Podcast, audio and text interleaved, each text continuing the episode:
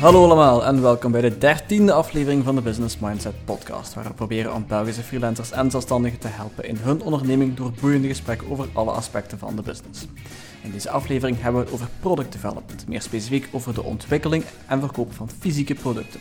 We gaan dieper in op verschillende aspecten van het traject, zoals validatie, certificatie, productie en de uiteindelijke verkoop. We voeren dit gesprek met twee ondernemers, Colin de Blonde en Jill de Bakker. Colin de Blonde was student aan de Universiteit van Gent toen hij plots samen met twee vrienden op een opportuniteit in de frisdrankindustrie stoelde.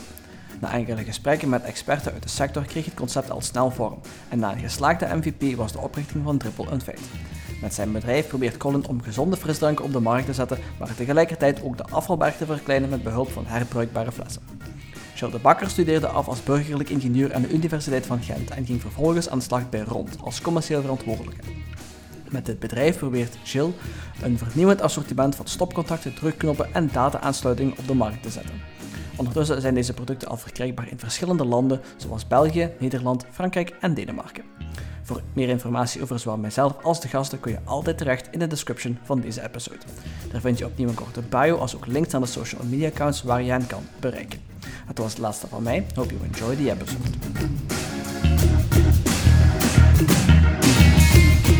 Ja, super nice. Alleen een Burger Gone Sales. Dat is wel, uh... ja, uh, ja, eigenlijk wel, uh, inderdaad. Maar nu, nu, natuurlijk, ik heb nu één jaar volledig echt ja, harde sales gedaan, naar architecten gaan, naar installateurs gaan, naar ontwikkelaars gaan. En call selling. Ja, ja, echt. Van duur tot duur ook, of? Dan nog niet, dan niet echt, maar het was echt wel cold calling, afspraakplannen, ja, naar die afspraken gaan, cold e-mail campagnes opzetten. Want er waren, zoals ik er juist ook tegen Jan zei, uh, er waren geen vakbeurzen die door zijn gaan vorig jaar. Corona begon, dus alle architectenbeurzen, alle installateursbeurzen over Hans Europa zijn, zijn gecanceld geweest. Dus was het echt de enige manier om wat naamsbekendheid te, te genereren, samen met dan wat social media campagnes op Instagram en Facebook. Uh, en dat, de, ja, op die manier hebben we proberen toch een aantal echt wel goede referentieprojecten binnen te halen. Daar hebben we ons op gefocust om dan eigenlijk eh, te kunnen zeggen van goed, kijk, nu zijn we een jaar verder. Die referentieprojecten zijn nu eindelijk ook afgewerkt. Uh, dus die, die zijn in gebruik genomen. Die architecten uh, kunnen daar ook over zeggen als dat goed vinden, al dan niet. En, en, ze zijn wel positief. En die kunnen we nu wel gaan, gaan leveragen om, om, om bij het grotere publiek te gaan tonen, kijk, dit hebben we al gedaan. We staan niet meer met niks aan de start. We hebben mm-hmm. echt wel al wat producten. Dus dat is wel, want dat was een moeilijke. Hè? Je start met die verkoop, maar, maar je hebt nog nergens een stopcontact of, of een schakelaar geïntegreerd in een woning bij bij, bij, iemand, ja, dan gaan ze ook niet zeggen van goed, ik ga er hier direct uh, eh, 200 eh, kopen voor in mijn, uh, mijn vier appartementen te steken. Dat gebeurt dan ook niet. Hè. Dus nu komen we meer en meer in die fase. Maar het zijn wel lange, lange sales cycles. Dat is wel, ey, dat, is wel ja. dat heb ik ook wel gemerkt. Dat is zeker. Want dus, ja, ja, ik zal misschien uh, ja, ja, laten. Sorry. Misschien moeten we... ja. Nee, de, de, reden, de reden dat ik... Ik vind het heel leuk dat, dat, dat, dat we zo'n gesprek kunnen beginnen. Op zich, ik doe dat heel graag. Op deze manier dat, dat, dat, dat het een beetje natuurlijk gaat. En, en op die manier, er komen zo, sowieso zijn er op de, de paar minuten dat we nu al, dat we nu al de opname hebben gedaan, uh, al een aantal dingen naar boven gekomen dat ik zeg van wauw, daar moeten we misschien straks eens even verder op inpikken. En uiteindelijk, uh, je, je, ziet, daar is, daar is heel veel over te vertellen. En daarom ben ik heel blij dat we, dat we dit nu even, even kunnen doen. Um, ik zou zeggen, uh, om, om het gewoon een beetje gestructureerd te houden, misschien eens beginnen bij het begin. Uh, jullie zijn hier alle twee als ik ga, ik zeggen founders. Ik, weet, uh, ik weet dat het technisch gezien niet helemaal correct is, maar oké, okay, fine. Uh, uh, founders van een, van een productontwikkelingsbedrijf zijn het wel in heel verschillende sectoren. ik denk niet dat jullie aan elkaar iets kunnen leren, maar ik denk wel dat er verschillende ervaringen zijn die gedeeld zijn over, over de, de, de, de bedrijven op zich. Um, misschien eens beginnen bij het begin. jullie zijn begonnen met, met niks. In, in, Jill's geval is Bart begonnen met niks. En uiteindelijk zitten we nu bij een concreet product dat we gaan verkopen. Uh, daar is een hele weg aan vooraf gegaan. Uh, ik wil gewoon eens even polsen bij jullie beiden hoe dat gekomen is, waar het vandaan komt en waar dat het... waar, waarom, waarom deze moeilijke weg inslaan? Maar uiteindelijk, daar, het is wel een, een moeilijk traject dat je moet ingaan, puur omdat je ja, productbedrijven op zich zijn moeilijk. Hè. Je hebt heel veel kleine units die je moet gaan verkopen aan heel veel personen. Dus het is, het is, een, een, ja, een, een, het is iets anders dan een service opzetten, waar je gewoon recurring revenue krijgt. Hè. Absoluut. Um, Gilles, laat ik aan jou de eer geven om uh, nee, storing story maar ik heb, de reis al, ik heb de rest al gepraat. Ik zal, ik zal, doe maar, doe maar. Geef oh, ja, wij zijn... Bedankt. We zijn uh, ja, wel vanuit een, een maatschappelijk problematiek gestart. Um, dat eigenlijk al snel een, een oplossing tegenover zetten. Ik moet wel zeggen, we waren daar heel naïef in. Um, dat een, een hardwareconcept dat nog eens ja, ook uh, in aanraking komt uh, met, met food, zo gezegd, met het voedseltechnische, met de limonades. Um, wel serieus onderschat. Um, maar dat is ook ergens nodig, denk ik, dat je wat naïef in het ondernemen. Als je voorhand zou weten welke problemen dat er allemaal zo opduiken, dan uh, het zou ja, toch de goestingen beginnen een stuk minder goed zijn. Um, maar dus concreet zijn we eigenlijk uh, nu een, een goed anderhalf jaar bijna, toch al, ja. Um, begonnen. Hadden we een, een aha-erlevenis eigenlijk. Per stereotyp zelfs. Dat Lucas, mijn uh, kameraad toen, maar nu ook uh, medeoprichter, en ik uh, aan een obolle drankautomaat stonden. Ik had dan een, een dopperfles vast, zo'n drinkfles, ik ken het wel. en ik kon een iced tea kopen. En op dat moment zeiden we echt van, ja, hoe belachelijk is het eigenlijk dat ik hier overal een drinkfles kan vullen met water. Maar vanaf dat je goesting hebt en iets lekkers en iets fris, dat altijd uit, ja, uit wegwerpverpakking moet. Vandaar zijn we eigenlijk vertrokken om heel die, die frisdrankindustrie verder onder de loep te nemen. Hebben we gezien dat er een tweede aspect ook uh, aan vasthangt. Een vrij logische problematiek, dat ja, frisdrank is gewoon water met een smaakje. Um, en dan, derde aspect hebben we nog gekeken naar, ja, wat zit er in de smaak zelf? Uiteindelijk bleek al vrij snel dat de meest toegankelijke frisdranken, dat die eigenlijk ja, nog steeds vol met suiker zitten, of suikervrij, suikervrij tussen haakjes dan. Um, dat dat de Coca-Cola Zero's van de wereld zijn, vol met aspartanen, bewaarmiddelen, andere chemische brol hebben we het gedoopt. Um, maar dus vandaar zijn we een beetje uit, uit, die problematiek vertrokken. We hebben een heel iteratief proces wel aangepakt. Dus we zijn ook wel een complementair team. We zijn met drie medeoprichters, uh, met twee fantastische ingenieurs. Ik ben uh, dan nog de minst technische van de drie. We zijn met twee die een achtergrond hebben in productontwikkeling, dus industrieel ontwerpen, uh, gestudeerd in Antwerpen, waarvan Lucas, uh, ja, Lucas, de ene Lucas, want we zitten met twee Lucassen, om even te verduidelijken. Uh, de tweede Lucas, IT'er, hebben we Pablo gedoopt, maar Lucas is dus de hardware-ingenieur. En, uh, dus we zitten ook met een softwareprogrammeur. Um, en dan hebben we eigenlijk eerst uh, een, hele, een heel laagdrempelig test opgestart. Um, dus we hebben echt het boekje van de Lean Startup, jullie waarschijnlijk wel bekend, gevolgd. En we hebben zogezegd de MVP gelanceerd. Um, een MVP, ik kan dat misschien heel kort toelichten, um, is dus ja, een eerste test van je product, uh, waarbij dat je echt enkel de essentie, uh, echt al het vet gaat wegsnijden van wat dat je finaal product zou, zou worden.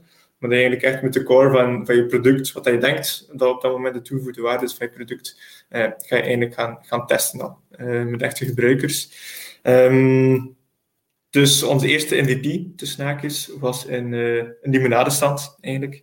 Dat op de campus van UGent stonden. En we hebben daar samenwerkt met Robinetto, met een, eigenlijk een watertapbar waar je water en spuitwater kan tappen, hebben we siroop bij, bij, bij, toegevoegd. En zo eigenlijk topperflessen, andere drink, drinkflessen van studenten eh, zitten vullen. En dan, dat was dan een succesvolle test. Um, een paar keer gedaan. Um, de vrienden keken maar raar van, wat zitten ze nu limonade op, uh, op school te verkopen?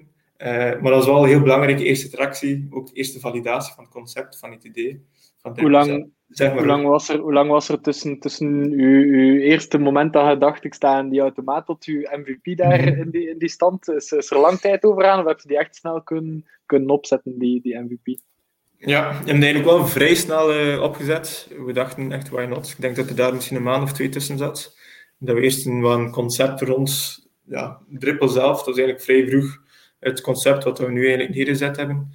Um, dat we eerst uh, ja, vrij uitgewerkt hadden en dan direct wel in, in de praktijk erin gegroeid zijn. Um, en dan daarna een technische deep dive gedaan. Dus dan spreek ik over uh, eind 2019 dat we een eerste technische deep dive gemaakt hebben. Van ja, hoe kunnen we eigenlijk nu het probleem op zich eigenlijk gaan, gaan counteren? Dus het, het, idee was, het idee is nog steeds een verpakkingsvrij drankautomaat, waar dus je een, drinkfles of ook glas kan vullen met een, een gezondere limonade. Ehm, dus dat is sowieso al een vertrekspunt, maar we zijn wel verschillende stappen, hebben wel verschillende stappen gezet om dat effectief ook te valideren. Ehm, dus na die technische deep dive hebben we eigenlijk vrij snel een eerste prototype gemaakt. Um, prototype is zelfs al een, eh, een, ja, een, een eufemisme, hoe zeg je het? Een verbloeming uh, van wat dat effectief was. We hebben daar wat uh, tweedehands onderdelen gekocht van een, een oude Coca-Cola automaat, uh, een touchscreen. Ik had het wel een beetje degenererend uh, beschreven, maar uh, een touchscreen tegengeplaatst, in een mooie casing gestoken, gemaakt dat food safe was. Dat is wel een heel belangrijke dan natuurlijk wel. En dan daarmee eigenlijk een, een eerste piloottest mee gedaan. Um, dus dat is ook dankzij de engineers, daar moet ik wel echt alle credits aan hun geven. Ze hebben echt een heel korte tijd, ik denk nog in drie maanden, eigenlijk een eerste autonome, um, de eerste versie van de, van de ja, verpakkingsvrije drankautomaat van onze Dripple Refill Points neergezet. Um, en daarmee hebben we dan in februari slash maart 2020 eerst testen gedaan. Je hoort het al aankomen, in maart ging uh, dan ook het land dicht. En dan juist genoeg uh, data, juist genoeg gegevens en uh, genoeg mooie foto's kunnen trekken om dat als bewijs te kunnen gebruiken voor, voor investeerders ook. We hebben dan een eerste bedrag ja, toch een eerste funding opgehaald. Um, een relatief klein bedrag in termen van, van start-up funding. En 50.000 euro. Maar heeft wel onze de boost gegeven om die ontwikkeling te kunnen, te kunnen uh, ja, aanpakken. En dan uh, dachten we, ja, het is toch corona. We kunnen even goed gebruik maken van al die vrije tijd. En we dan eigenlijk een half jaar heel intensief, ontwikkeld. Um, en hebben we tegen eind oktober 2020 dan een eerste finale versie, alleen finale versie ook tussen aanhalingstekens. Belangen niet finaal, maar een eerste afgewerkte versie dus um, neergezet. En um, ja, vandaar dan blijven itereren op smaken, op uh, de digitale userflows dat we hebben, uh, over alle andere features uh, enzovoort. Tot aan vandaag tot een 20 toestellen hebben staan. Um, waarbij dat, ja, de collega's ter plaatse, ze staan dus op werkvloeren, ook wel van wel zijn. Dus we zijn content. dus dat is een beetje de, de story in short, hoe dat wij ons ontwikkelingstraject hebben aangepakt. Ja. Alright. En we spreekt daar een paar keer over, over het food safe maken van uw, van uw automaten, dat, dat een redelijke challenge was. Wat, wat, wat houdt food safe dan specifiek in in jullie geval? wat, wat heeft dat gezorgd? Mm -hmm. Ja, um, ik kan zo niet een, een één voet zit hier door het publiek op de podcast te zijn. Maar de eerste prototype was niet officially food safe. We hebben daar wel effectief op gelet. We hebben daar uh, um, zeker wel regelgeving in rekening gehouden. Maar om effectief um, food safe gecertificeerd te worden met alle normeringen aan toe, hebben we daar even een, een stapje over geslaan. Omdat dat wel effectief een afwerkt product vraagt en dat was een beetje een, een, gigantisch dilemma op dat moment. Dat je eigenlijk heel veel centen, heel veel tijd nodig hebt om een, ja, een certificeerd officieel food safe toestel te gaan neerzetten. Terwijl dat je eigenlijk nog niet eens hebt gevalideerd dat het effectief een business kan worden, dat er daar vraag naar is. Dus ja, dan hebben we een beetje het vertrouwen op onze eigen skills genomen. Um, dat we effectief wel ook een, konden aanpakken zonder mensen in gevaar te brengen natuurlijk. Want dat is ook wel het gevaarlijke vanaf dat je met voedsel bezig bent. Het wordt vaak gezegd in de Lean Startup, doe gewoon een zo brak mogelijk toest, eh, allee, geen, geen toestelproduct. Uh, het wordt wel, wel eens vaak gezegd, als je niet beschaamd bent over de eerste versie van je product, dan zijn je eigenlijk uh, te laat gelaunched. Um, maar ja, in food bev landschap is dat wel wat gevoeliger, omdat je effectief wel met de uh, ja, met eten en drinken zit natuurlijk. Um, dus ja, in eerste instantie met de korrel zout genomen. Maar nu, alles wat dat certificering inhoudt, dat gaat om machinerichtlijnen, dat gaat over uh, ja, het, het voedselagentschap. We hebben ook een aantal uh, normeringen waaraan we moeten voldoen. Zowel limonades, het toestel zelf, de voedseltechnisch ook, enzovoort. Ja. ja dat, dat was bij ons ook, ook een groot vraagstuk in het begin. Omdat mm Voor ons stopcontact, uh, ja, natuurlijk, dat is, dat is op netspanning. Uh, als je daar uh, zomaar aanhangt, dan kan het ook wel een keer heel ambetant zijn als, als persoon even geëlectrocuteerd worden. Dus dat was, dat was ook, en wij moesten dus heel specifiek voor België, om een stopcontact in België te lanceren, hebben de CBAC-keuring nodig. Dat is eigenlijk het keurmerk voor België om, om, om, om apparaten op, op netspanning eigenlijk te gaan verkopen. En, uh, en daar was dat inderdaad ook de, de grote ja, struggle van, zoals dat jij zegt, ja, je kunt een MVP maken, maar maar in een andere situatie kun je geen MVP maken om die te verkopen. En, en, maar je kunt dat gewoon niet in de markt zetten. Het mag gewoon niet. Een, mhm. elektrische, installatie moet gekeurd worden vooraleer dat ze in gebruik wordt genomen. als je product niet erin zit, niet CBAC gekeurd zijn, dan, dan gaat het gewoon niet door. Dus dat was echt wel uh, in eerste instantie een heel groot risicokapitaal eigenlijk samenbrengen om een product te gaan ontwikkelen. Uh, om dan te gaan zien eigenlijk, of, om dan daarmee te gaan keuren, om te zien of dat zou kunnen gekeurd worden volgens de CBAC-keuring. Want ook, het is ook zo, uh, ja, we, kunnen, we zouden kunnen prototypes maken die volledig veilig zijn. Maar ja, een prototype in ons geval zou dan een, een, een 3D-print stopcontact zijn uh, dat eigenlijk wordt opgebouwd. Maar dat kun je niet laten keuren, omdat je, stopcontact moet, kan enkel gekeurd worden als het eigenlijk geproduceerd is volgens de manier hoe dat zal worden geproduceerd in massaproductie. Dus dat betekent in de praktijk eigenlijk dat je moet je, al je matrijzen moeten gebouwd worden, daar moet mhm. geïnvesteerd worden, uh, om eigenlijk je eerste uh, versies uh, uit de spuitgieterij te krijgen, om die dan te assembleren en om er daarvan eigenlijk te gaan opsturen naar de CBEC-keuring. Dus dat was eigenlijk, ja, eigenlijk was er op dat moment al, al ja, heel wat kapitaal eigenlijk geïnvesteerd om eigenlijk dat eerste product te gaan maken, om dan te gaan zien of dat die keuring kon behaald worden of niet. Uh, dus daar was er ja, heel weinig sprake van een MVP. Ja, gemaakt, gemaakt, natuurlijk hebben we eerst, eerst heel wat 3D-prints gemaakt en, en volledige stopcontact in 3D geassembleerd om te zien, oké, okay, lijkt ons uh, wat we willen, uh, vooraleer die matrijzen te gaan bestellen en te gaan aankopen. Maar nog altijd, ja, de grootste kost was echt gemaakt toen, uh, toen dat we nog geen, geen idee hadden of dat de keuring zou zeggen van dit is een product dat we kunnen keuren of niet.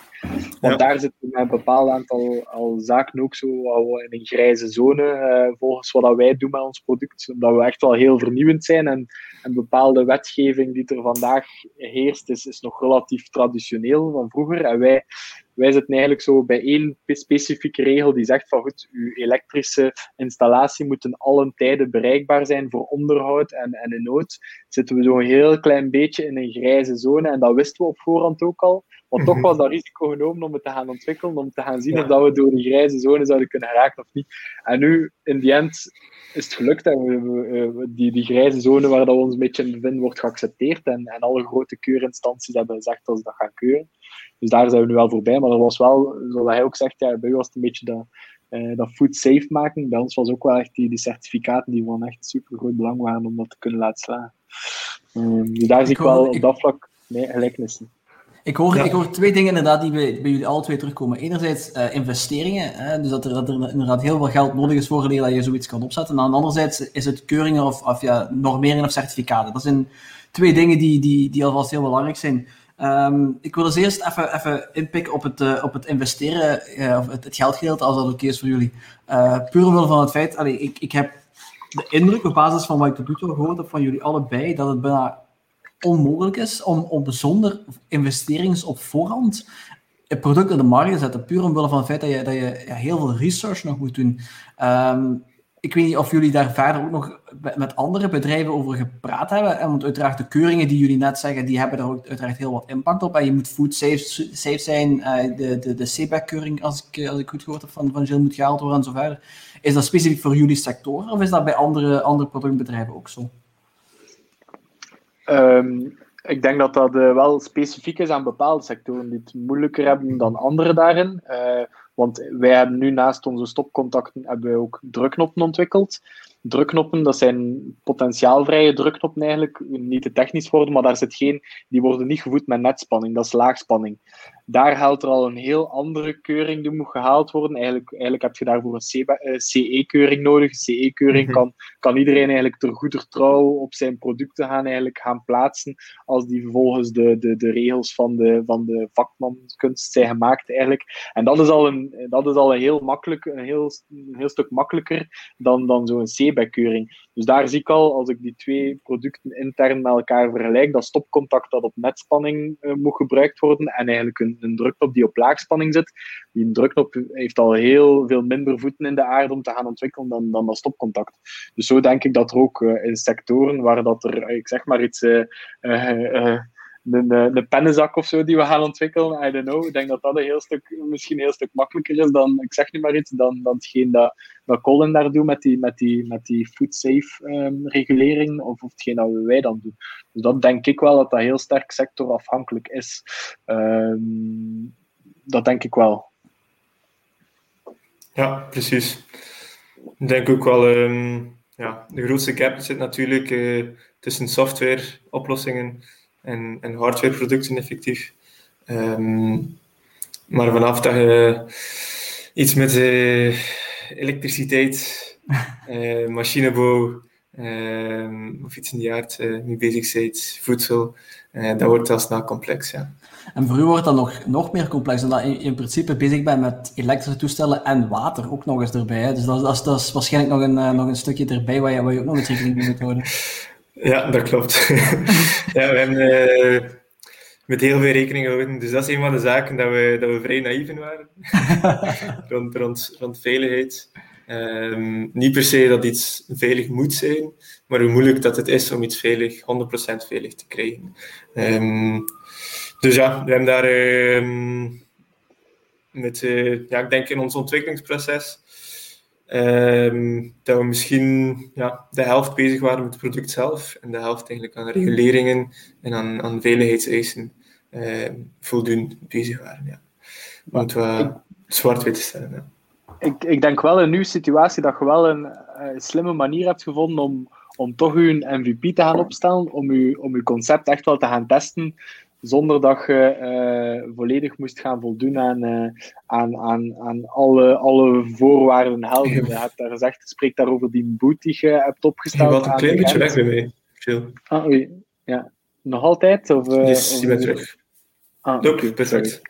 Uh, nee, ik denk dat jij wel een, een, een, een goede manier hebt gevonden om je, om uw MVP in eerste instantie toch te kunnen gaan testen, los van, mm -hmm. van, van alle regulering die er in principe zouden aan te pas komen. Waarbij dat je toch een soort van, ja, misschien een soort van evenement hebt kunnen creëren waarop dat je kon zien in hoeverre dat, dat je publiek of je, of je doelgroep uh, voor je concept zou kunnen vallen, vooraleer dat je daaraan kon beginnen. En ik denk dat dat voor u wel ay, mooie was om, om aan te starten, uh, om dan te kunnen zeggen van goed, we krijgen toch een bepaald vertrouwen om effectief die investering te gaan doen om, om iets te gaan ontwikkelen, dan moet je, ay, dan moet gecertificeerd en, en, gekeurd zijn. Dat was bij, ja. bij, bij ons is dat, is dat eigenlijk is dat niet gebeurd, uh, oh, totaal niet op die manier. Er was eigenlijk heel -hmm. weinig aftoetsing aan de markt uh, vooraleer dat dat product ontwikkeld is er was natuurlijk wel, en, en dat is dan misschien een, een, een, een iets anders, of een verschil met jullie.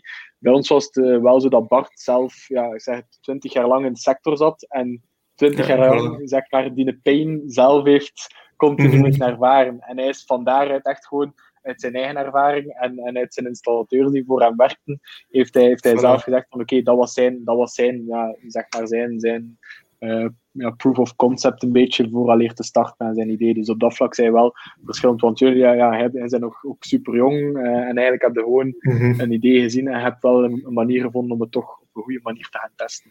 Dat vind ik wel, ja. vind ik wel, vind ik wel chic. Precies. Van bottom line gaat het niet over een, een MVP lanceren of niets, maar of dat er een niet is en of je die niet kunt ontdekken.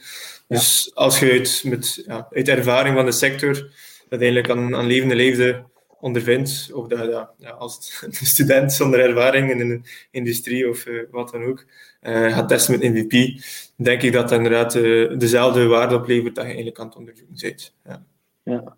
alright, top. Hoe, dus, uh, hoe gemakkelijk is het om, om die regeltjes en normen te vinden? Uh, Colin, je zei, je zei daarnet van, ja kijk, de helft van de tijd ben je bezig geweest met de regeltjes te zoeken en te volgen en, en alles wat erbij komt kijken. Uh, maar die moet je ook ergens kunnen vinden. Want waar, waar begin je met, met zoiets op te zoeken? En, en, is daar ergens een instantie waar je bij terecht kan? Of hoe, hoe gaat dat dan zo werken? Ja, ik weet niet alle details ervan, voor alle duidelijkheid. Uh, Lucas is voornamelijk bezig met alles wat uh, normering is. En dan het grootste deel nog de CE-normering. Ehm, maar ik zie daar wel uh, af en toe van iets passeren. Um, dat je dat effectief online in een, in een databank moet opzoeken wat eigenlijk voor u toepasselijk is, voor uw product zelf. Dus je moet dat ook zelf uh, gaan definiëren. Um, en dan moet je eigenlijk aan de hand van titels eigenlijk normeringen aankopen.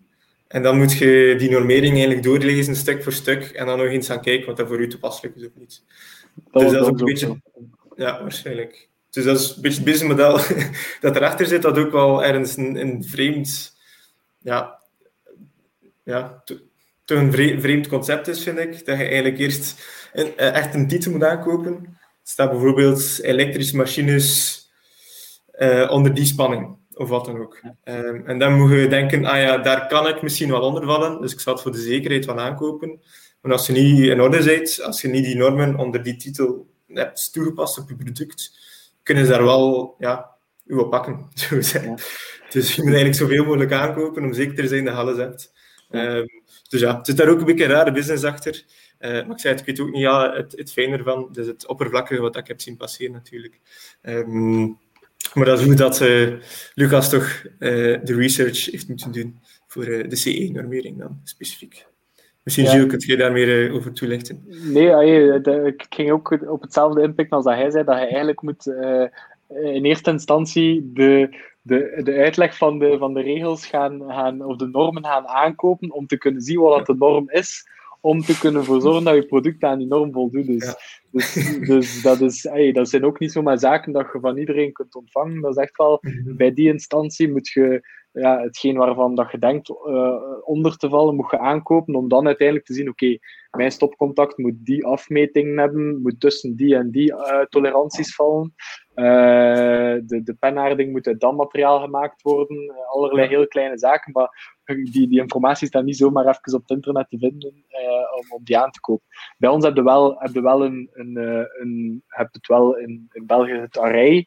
En het array is het, is het, is het algemeen soort van wetboek voor installateurs dan, waar dat je wel mhm. kunt al in grote lijnen zien waaraan dat je elektrische installatie in je woning moet voldoen. En dan weet je ook al in grote lijnen ja, wat dat je product, hoe dat je product er mag uitzien en niet mag uitzien. Maar om de heel specifieke afmetingen te kunnen weten van uw stopcontacten en uw dieptes en uw, en uw, en uw diameters, die moeten, ja, dat, dat wordt eigenlijk gewoon aangekocht. Dus, dus dat is inderdaad, vond ik ook zelf vreemd. Ik was er toen ook niet bij betrokken, maar ik heb dat achteraf ook allemaal gezien. Uh, en dat is, dat is wel een, een vreemde situatie. Uh, maar ja, een businessmodel zoals een, zoals een ander misschien in stand gehouden door de grote, uh, de grote ja, wet, uh, reguleringsinstanties, ik weet het niet hoe dat noemt. Zijn, zijn dat Belgische instanties of is dat Europees? Want je zegt CE, dat is, dat een Europese instantie dan veronderstel ik. Ja, klopt. Uh, wij bij ons, uh, over onze stopcontacten, dat is ook weer eigenlijk zoiets redelijk absurd, maar in Europa, waar dat we overal dezelfde spanning en dezelfde frequentie gebruiken, worden er toch een heel aantal verschillende types van stopcontacten gebruikt. En die moeten ook allemaal hebben allemaal hun eigen keuring. Dus in België wordt het, penaarde stopcontact gebruikt. Dus dat is met de, eigenlijk het stopcontact met de twee puntjes en de, en de penaarde daarin aan de bovenkant. Uh, dat wordt in België gebruikt. Daarvoor heb je een C-back-keuring waar dat je moet voor, voor aan voldoen. In Frankrijk wordt ook de penaarde stopcontacten gebruikt, maar in Frankrijk heb je de, uh, de FN, noemt die, ik weet niet wat de volledige naam ervan is, maar dat is eigenlijk de norm voor Frankrijk voor het elektrisch schakelmateriaal. Het voordeel is wel dat Frankrijk uh, accepteert de CBEC-keuring als, als, ook eigenlijk als, als, als bevestiging voor hun keuring. Dus wij moeten niet nog een keer die Franse norm gaan, gaan halen. Maar wel zeggen ze, als je in Frankrijk in de, in de rekken wilt gaan liggen, dan zal een installateur wel op zoek gaan naar die FN en niet, naar, niet naar die CBEC-keuring. Dus dan is het wel mhm. handig voor makkelijker te verkopen om die FN-keuring ook te hebben. En dan gaat je naar uh, Nederland en Duitsland, waar dat de, de randaardingstopcontacten gebruikt worden. Dus dat is ook nu met de twee, twee puntjes, maar dan eigenlijk de aarding zit eigenlijk aan de bovenkant en aan de onderkant van je stopcontact. Daar heb je dan voor Duitsland bijvoorbeeld heb je de VDE-keuring. Dus dat is weer een andere keuring en die proberen we nu op dit moment te behalen om eigenlijk ook onze randaardenstopcontacten in productie te steken. En opnieuw, met die VDE-keuring kun je ook in Nederland wel dan toch gaan verkopen. Maar dus in, in, in, Bel in Europa zit je met type E-stopcontacten, penaarden, type F-stopcontacten, randaarden. Je hebt ook nog type E, type D.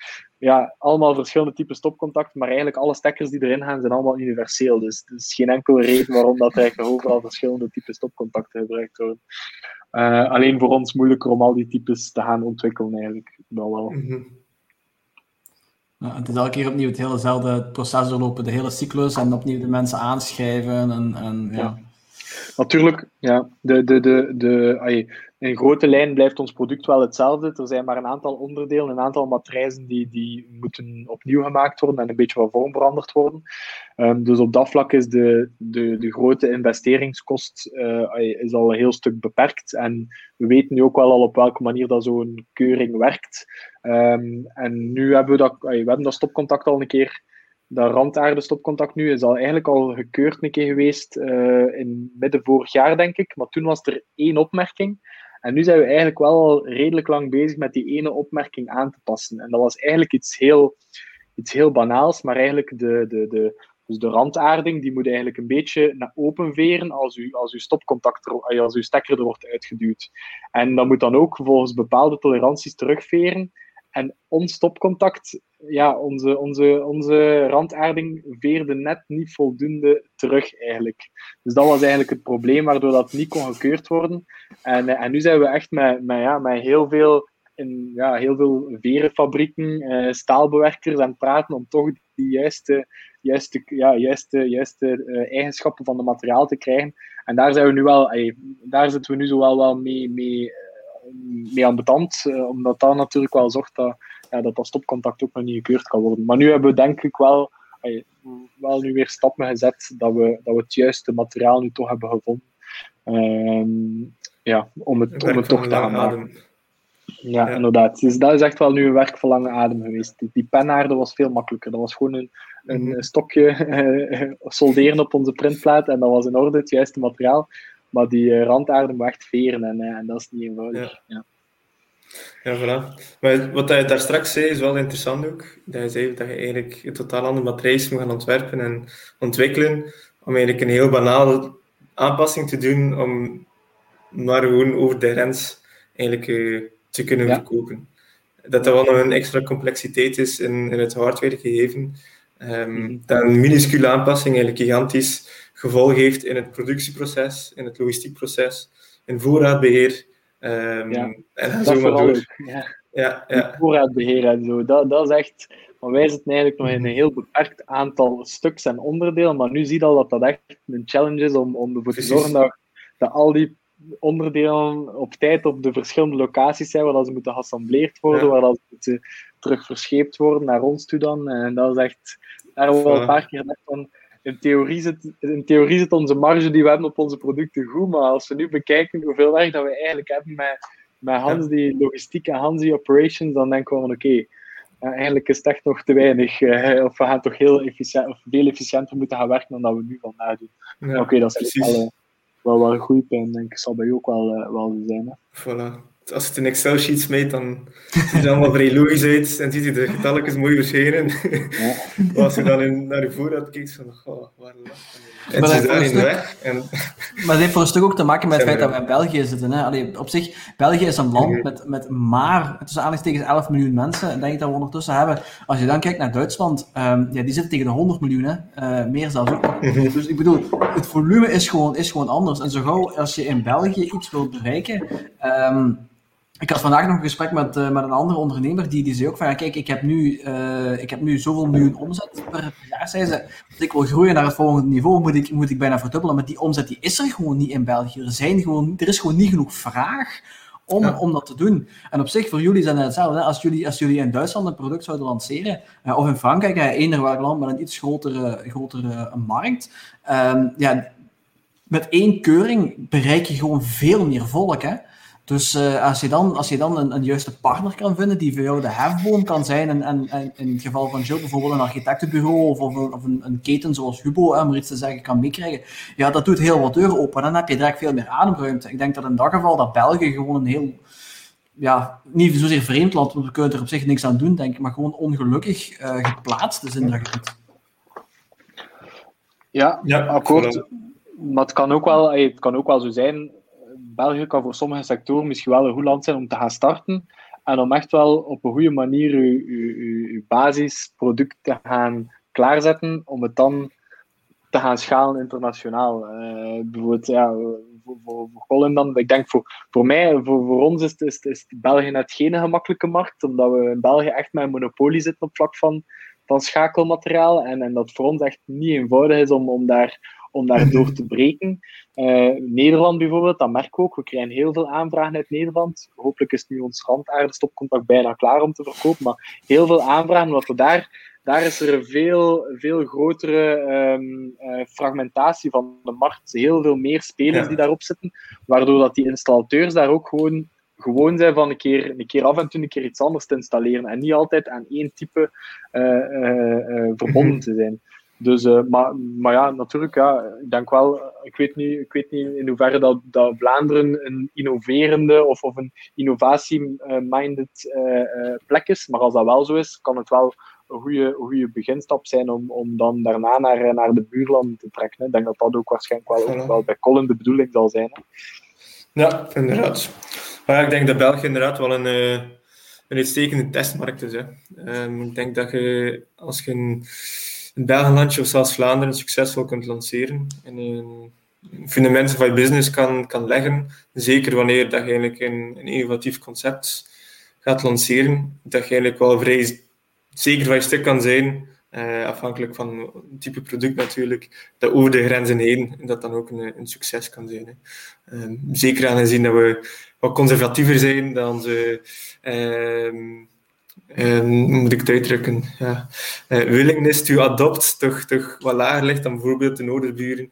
Um, denk ik wel, als je zo ja, toch een innovatief concept kunt laten adopteren, uh, dat je dan eigenlijk vrij snel kan schakelen naar inderdaad toch in de thuismarkt uh, uitgebreid getest hebben. Ja. Ja. Ik heb me ook ergens laten vertellen, ik weet niet meer waar het vandaan komt. Het, kan zelfs zijn uit een van de vorige afleveringen van de podcast. Ik zou het eigenlijk moeten, moeten checken. Mhm. Eh, maar ik heb me eens laten vertellen dat de, de grote um, automerken, dat die eigenlijk bewust naar België komen met hun, met hun modellen om die hier eerst te testen. En de theorie is dat als zij die in België kunnen, kunnen laten slagen, dat ze dan eigenlijk bijna 90% zeker zijn dat het overal de rest van de hele wereld gaat lukken. Puur om, omdat eh, ja, je zit met de, met de verschillende uh, regio's en verschillende gemeenschappen en zo verder. Het is gewoon een heel bizar hoopje bij elkaar. Um, en en allee, ik, ik heb ook al gemerkt in de, de, de job waarin ik zit, nu, ik, ik zelf heb daar persoonlijk niet zo heel veel last van, maar ik werk uh, in een callcenter, ik maak de software die, die, die zij gebruiken. Um, Vlaanderen en Wallonië moeten gewoon heel anders benaderd worden. Waar dat een Vlaming veel liever via internet bijvoorbeeld een, een, uh, een, een, een, product ziet of een vergelijking ziet of iets dergelijks. Een, een, een Waal zal veel liever aan telefoon geholpen worden. Uh, opnieuw daar het, verschil tussen, ja, het cultureel verschil eigenlijk tussen verschillende bevolkingsgroepen die, dat je hier in België hebt, terwijl onze buurlanden, dat is meer een homogene groep, uh, waar dat je ja, waar je misschien niet alle nuances van je product kan, eh, kan aftoetsen.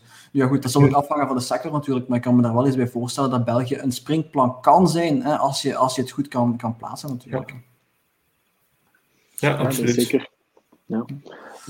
Um, ik wil nog eens even terugkomen op wat we juist zeiden van, uh, van die keuringen en dergelijke. Uh, hoe lang duurt het ongeveer eer dat jullie zoiets, uh, zo'n keuring erdoor krijgen? Wat, wat was zo want je zegt je moet de, de regels aankopen en dat is heel fijn, maar dan moet je toch nog altijd naar een bepaalde instantie gaan om de te laten keuren. Uh, dat kost op zich ook nog redelijk wat geld, veronderstel ik dan.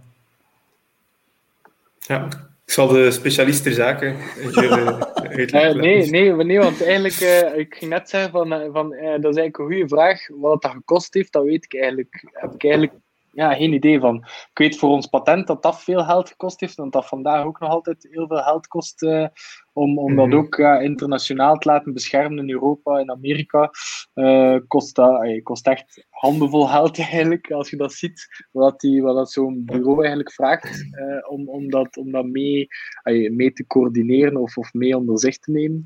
Maar, maar voor die keuring zelf, dat, dat weet ik eigenlijk niet. ik weet wel dat dat traject...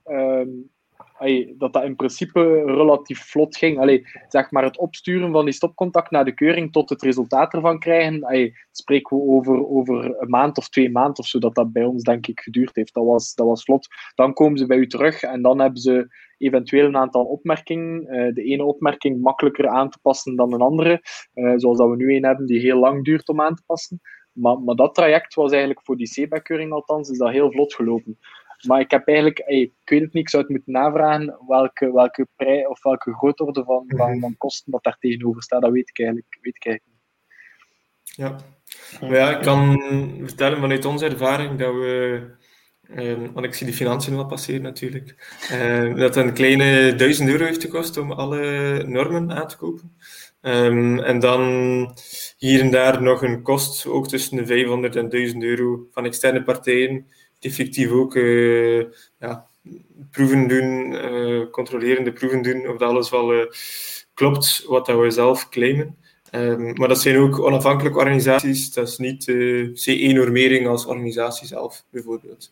Dat is puur een, ja. een keurmerk um, of een certificering eerder dat je uh, op je product kan zetten, waarbij dat je eigenlijk claimt dat je aan al die normeringen voldoet. Um, dus ja. het wordt daar eigenlijk geen specifieke controle op uitgevoerd dat ze met een lijstje passeren en, uh, en eigenlijk alles um, puntje per puntje gaan, gaan controleren en dan zeg maar een label gaan toekennen.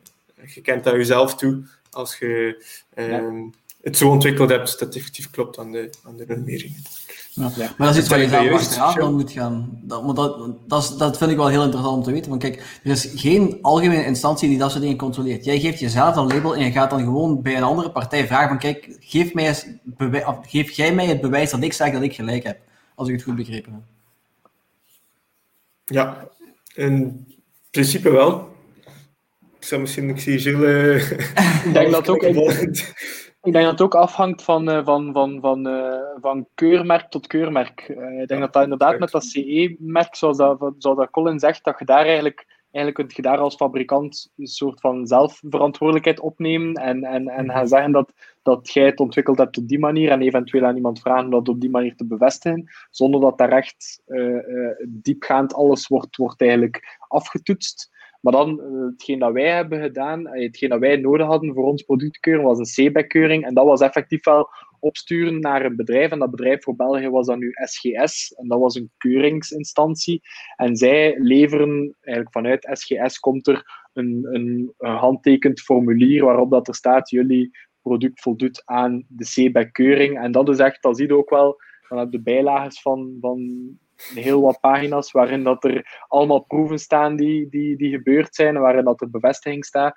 Uh, en dat is allemaal, dat is dan wel, dat wordt allemaal wel puntje voor puntje allemaal, allemaal onder de loep genomen.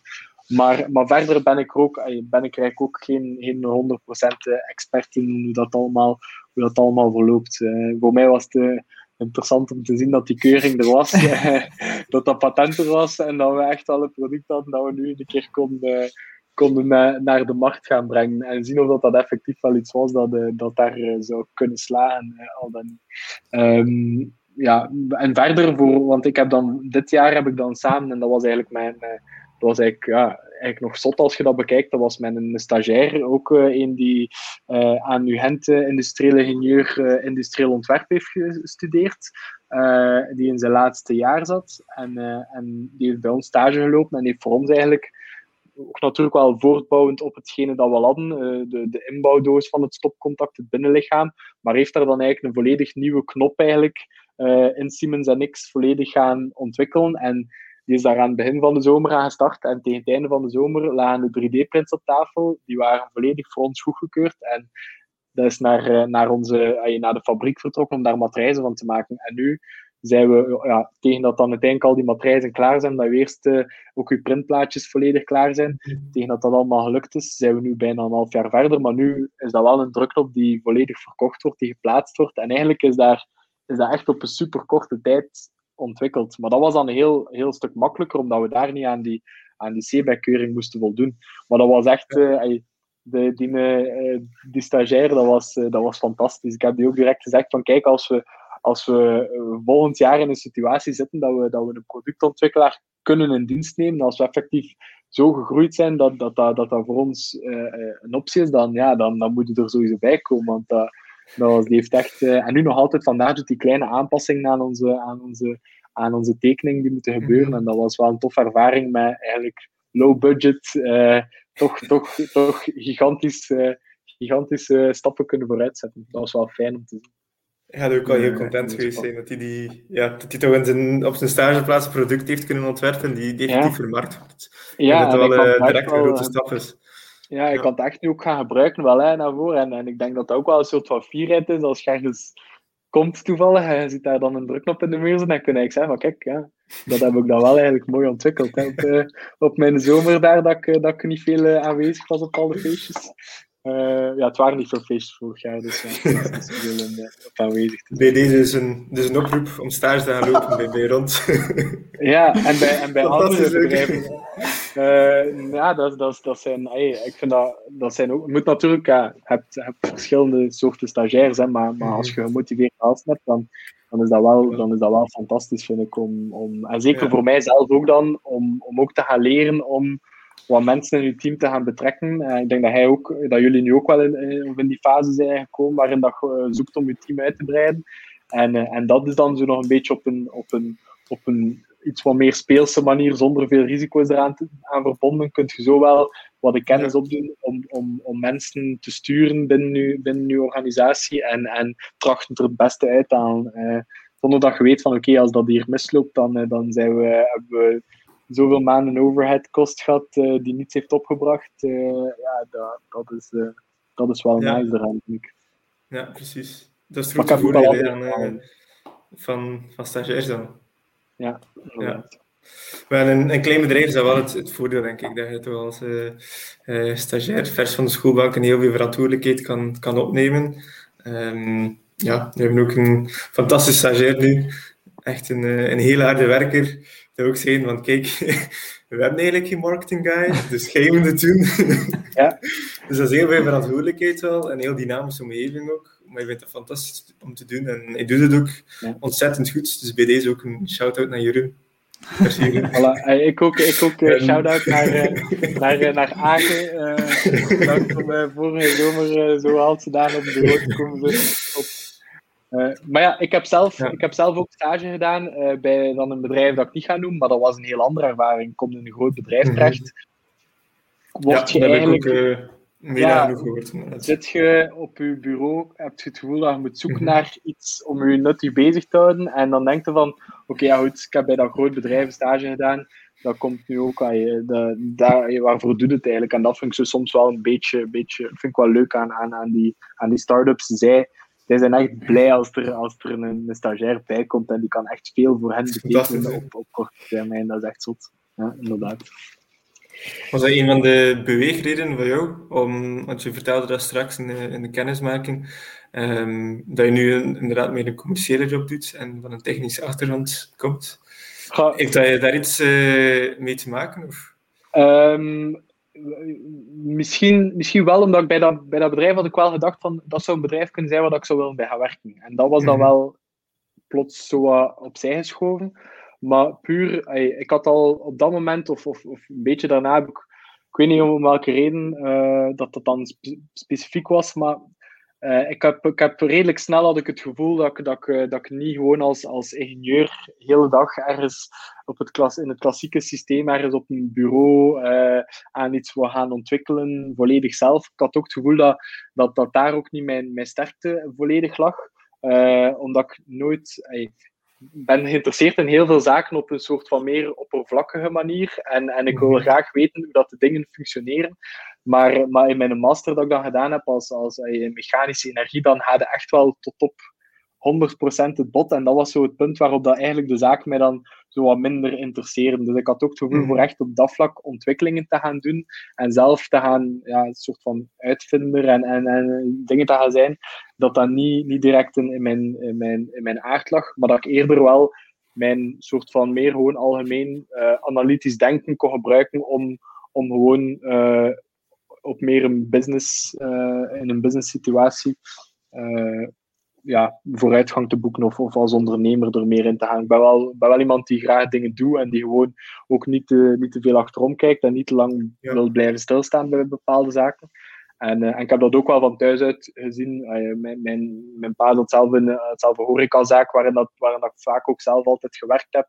Dat is op een hand ander, in een hand ander concept, maar het is ook ondernemen uiteindelijk. En het is ook uh, ja. eigenlijk dagdagelijks met, met je klanten in contact staan. En, en dat vond ik altijd, ik heb mij daar altijd super geamuseerd. Ik heb nooit echt het gevoel gehad dat ik moest gaan werken ook als ik naar daar ging. Dat was eerder van, oké, je kunt je kunt, uh, het is opnieuw vrijdagavond. Uh, ik zie weer de mensen daar die altijd de vrijdagavond komen, nu vast cliënteel. Je, kunt daar, je bouwt daar een soort van band mee op. En dat vond ik gewoon, ik wou ook in dat ondernemersleven wat meer stappen.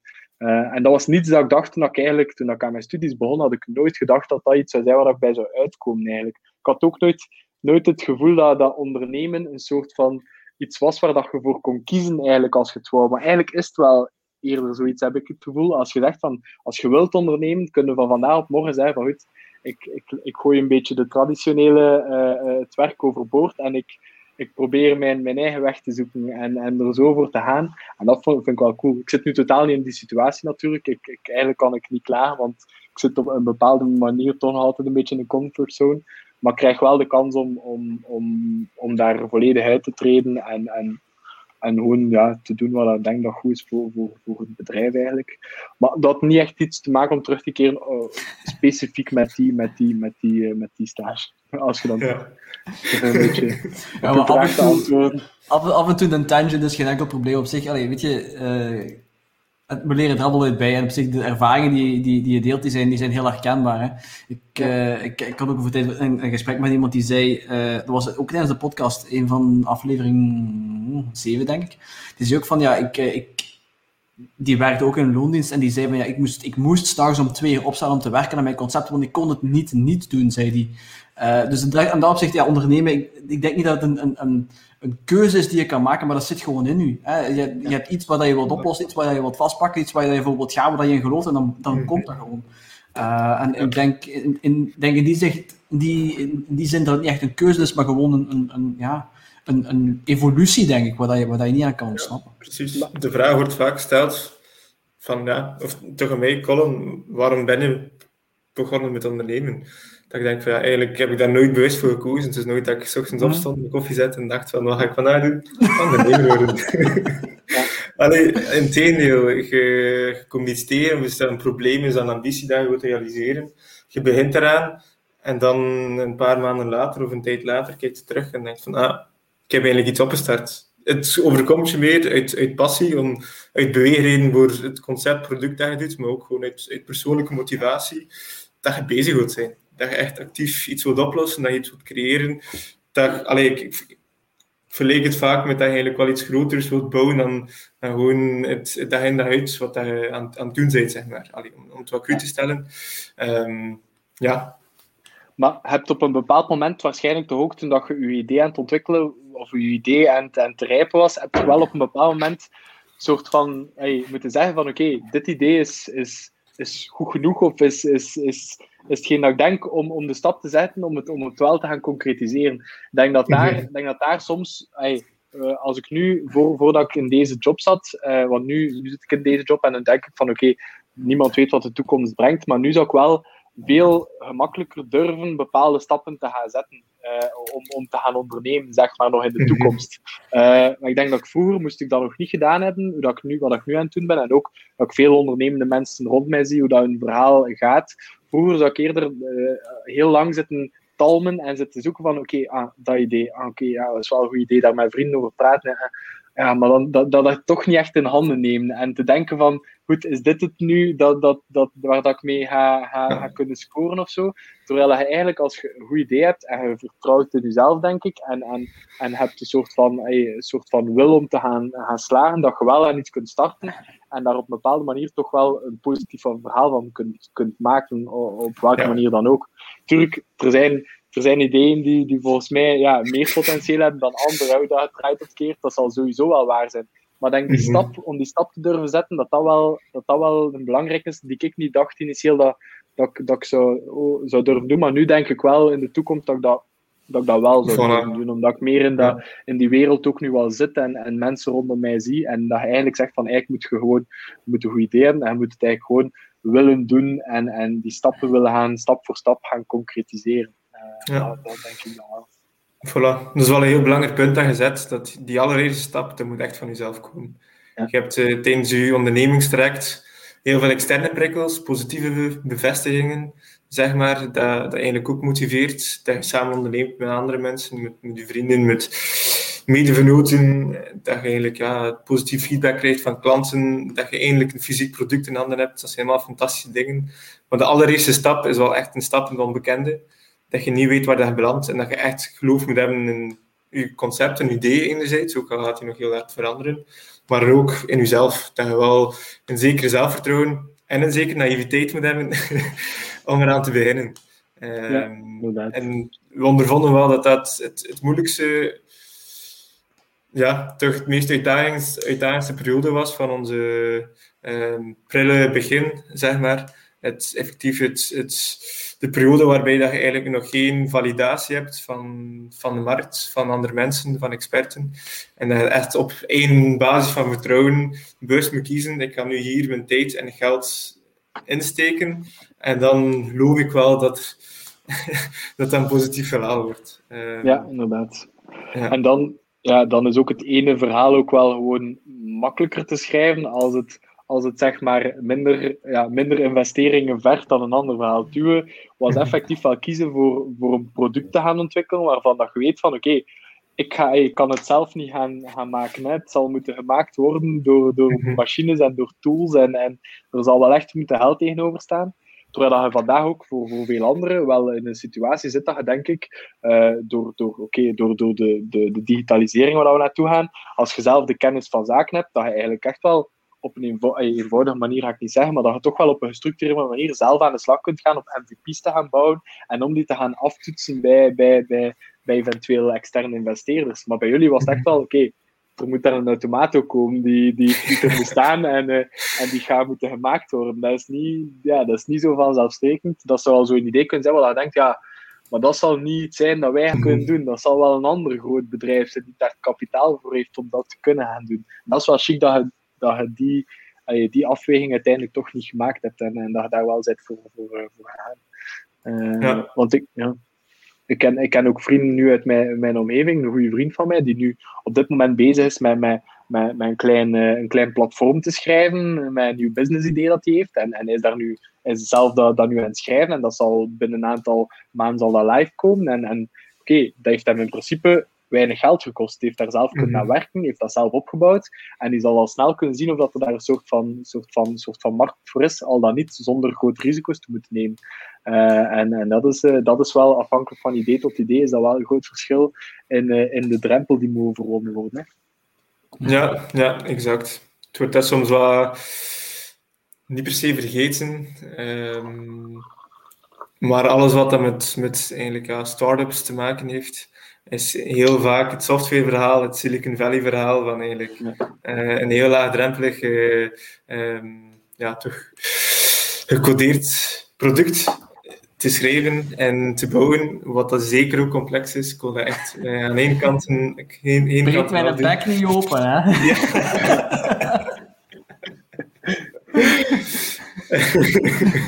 nee, absoluut niet aan. Um, maar ik zal toch moeten zeggen dat er, uh, dat er toch een essentieel verschil is.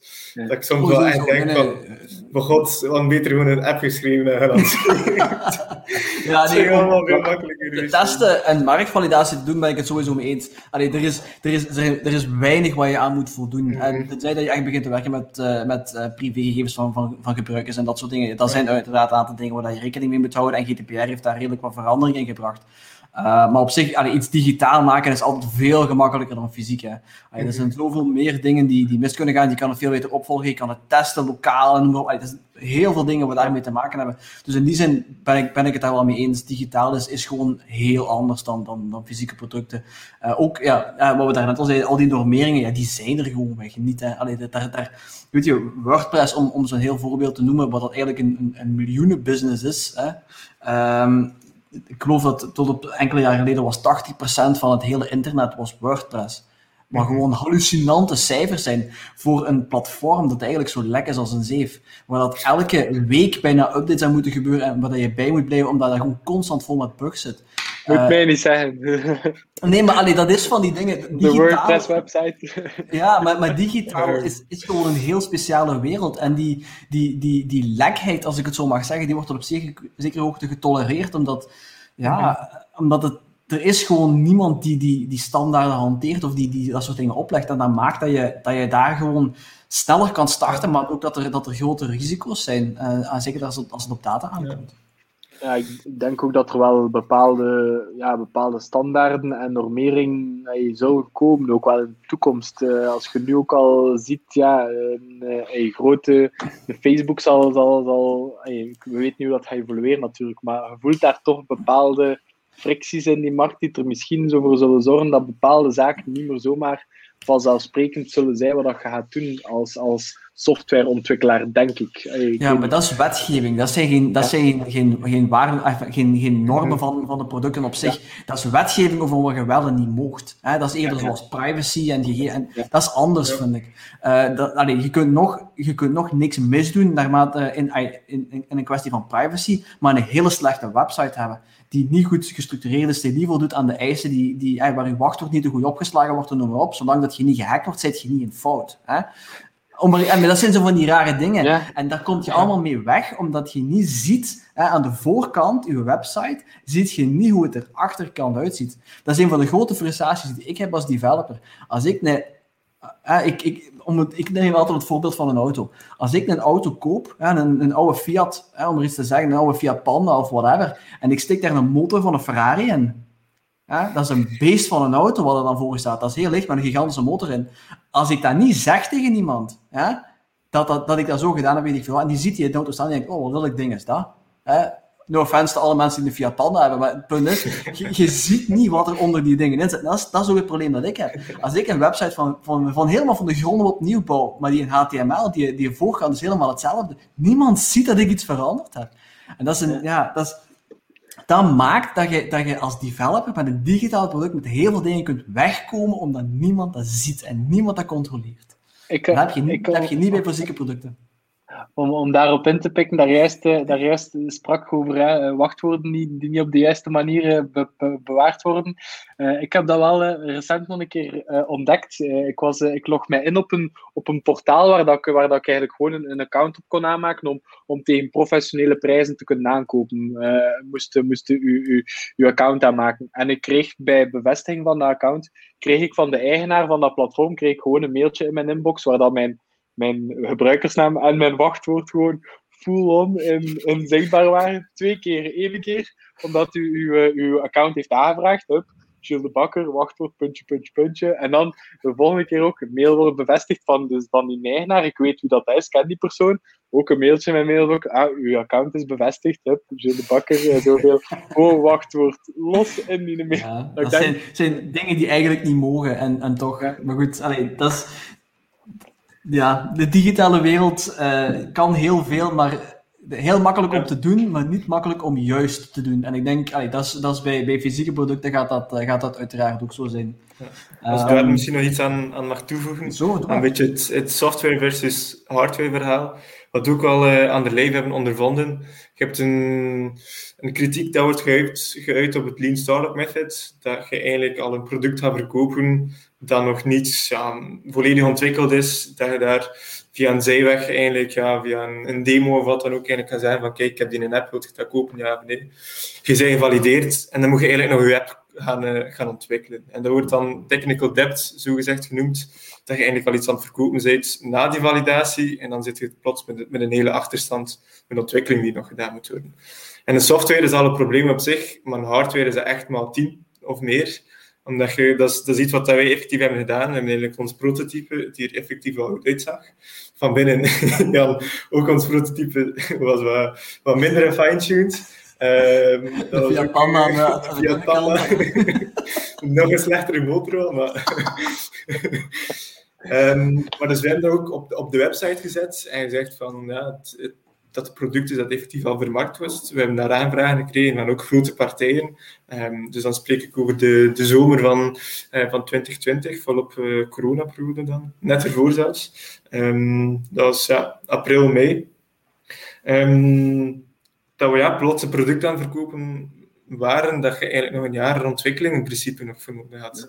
En dan hadden we nog de chance dat we, we waren een beetje in paniek. We zeiden, uh, ja, dat is goed. Uh, dat, is, dat is zoveel duizend euro als je het toestel wilt kopen. Uh, helemaal in orde. Maar een beetje ja, een paniekmoment van wat dat we op dat moment gingen doen, hoe dat we het gingen aanpakken. We waren ook het ontwikkelingsproces, hoe dat toen ging uitzien, was totaal nog niet gedefinieerd. We hadden daar nog niet echt, echt, zicht op.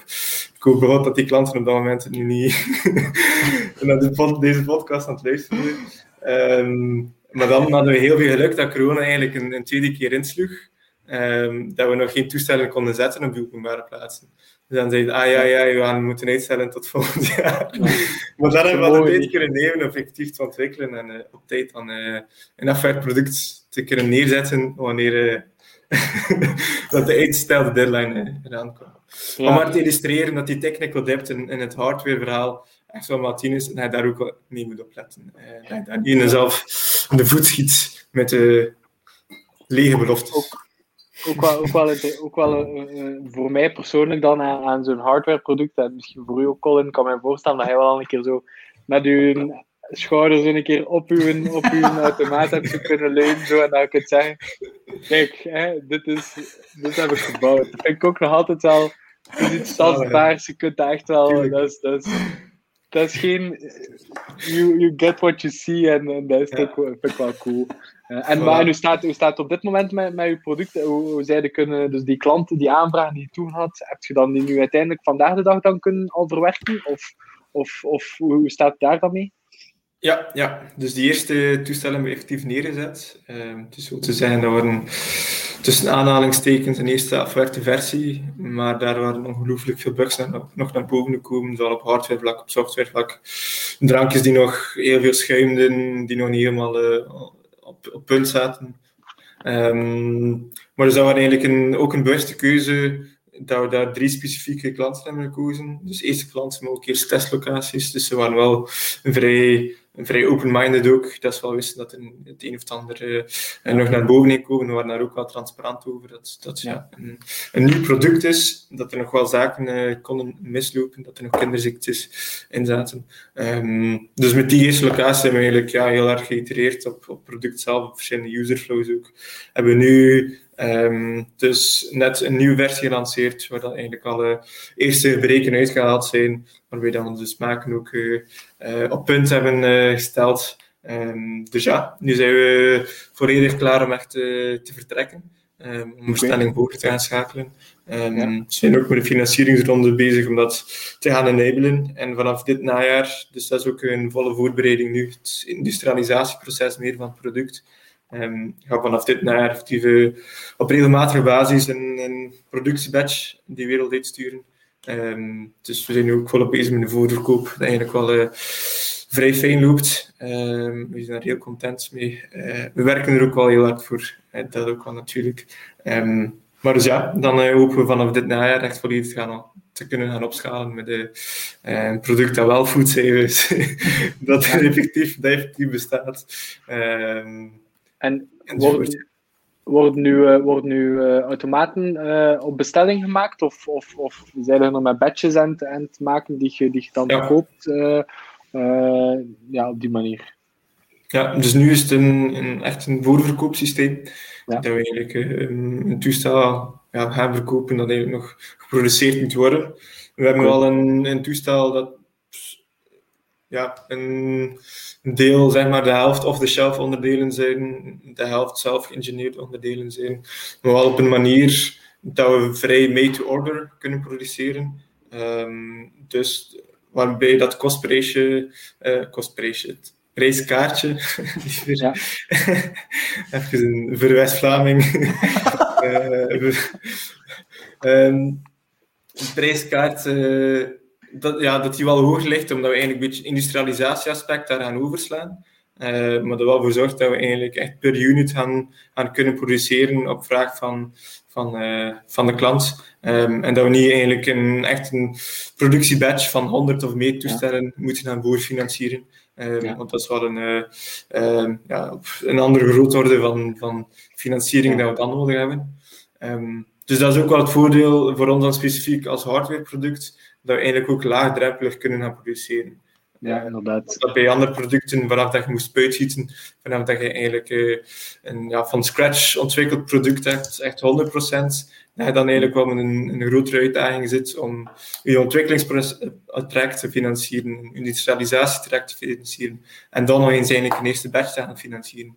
Dan zijn je al uh, een, hoop, een hoop geld kwijt. Ja. Ja, dat is bij ons inderdaad nu ook. Uh, nu moeten wij telkens die, wat ja, een installateur vandaag verwacht dat, zeker op vlak van stopcontacten, in België uh, waren stopcontacten vandaag, uh, gaat hij naar de winkel en kan hij al zijn stopcontact kopen bij, zijn, bij zijn verdeelpunt dat hij nodig heeft. Die moet hij niet bestellen, die liggen op stok. Dat is, dat is gegarandeerd stokmateriaal. Wij kunnen nu al, wij kunnen nu, of bekomen nu dat we levering kunnen doen uh, binnen, de, binnen de twee weken daar proberen op te mikken. Maar dat zijn dus, ja, dat is allemaal bij ons zijn dat stokmateriaal. Die levertijd zit hem in, in, het, in het klaarmaken van die bestelling en het uitsturen.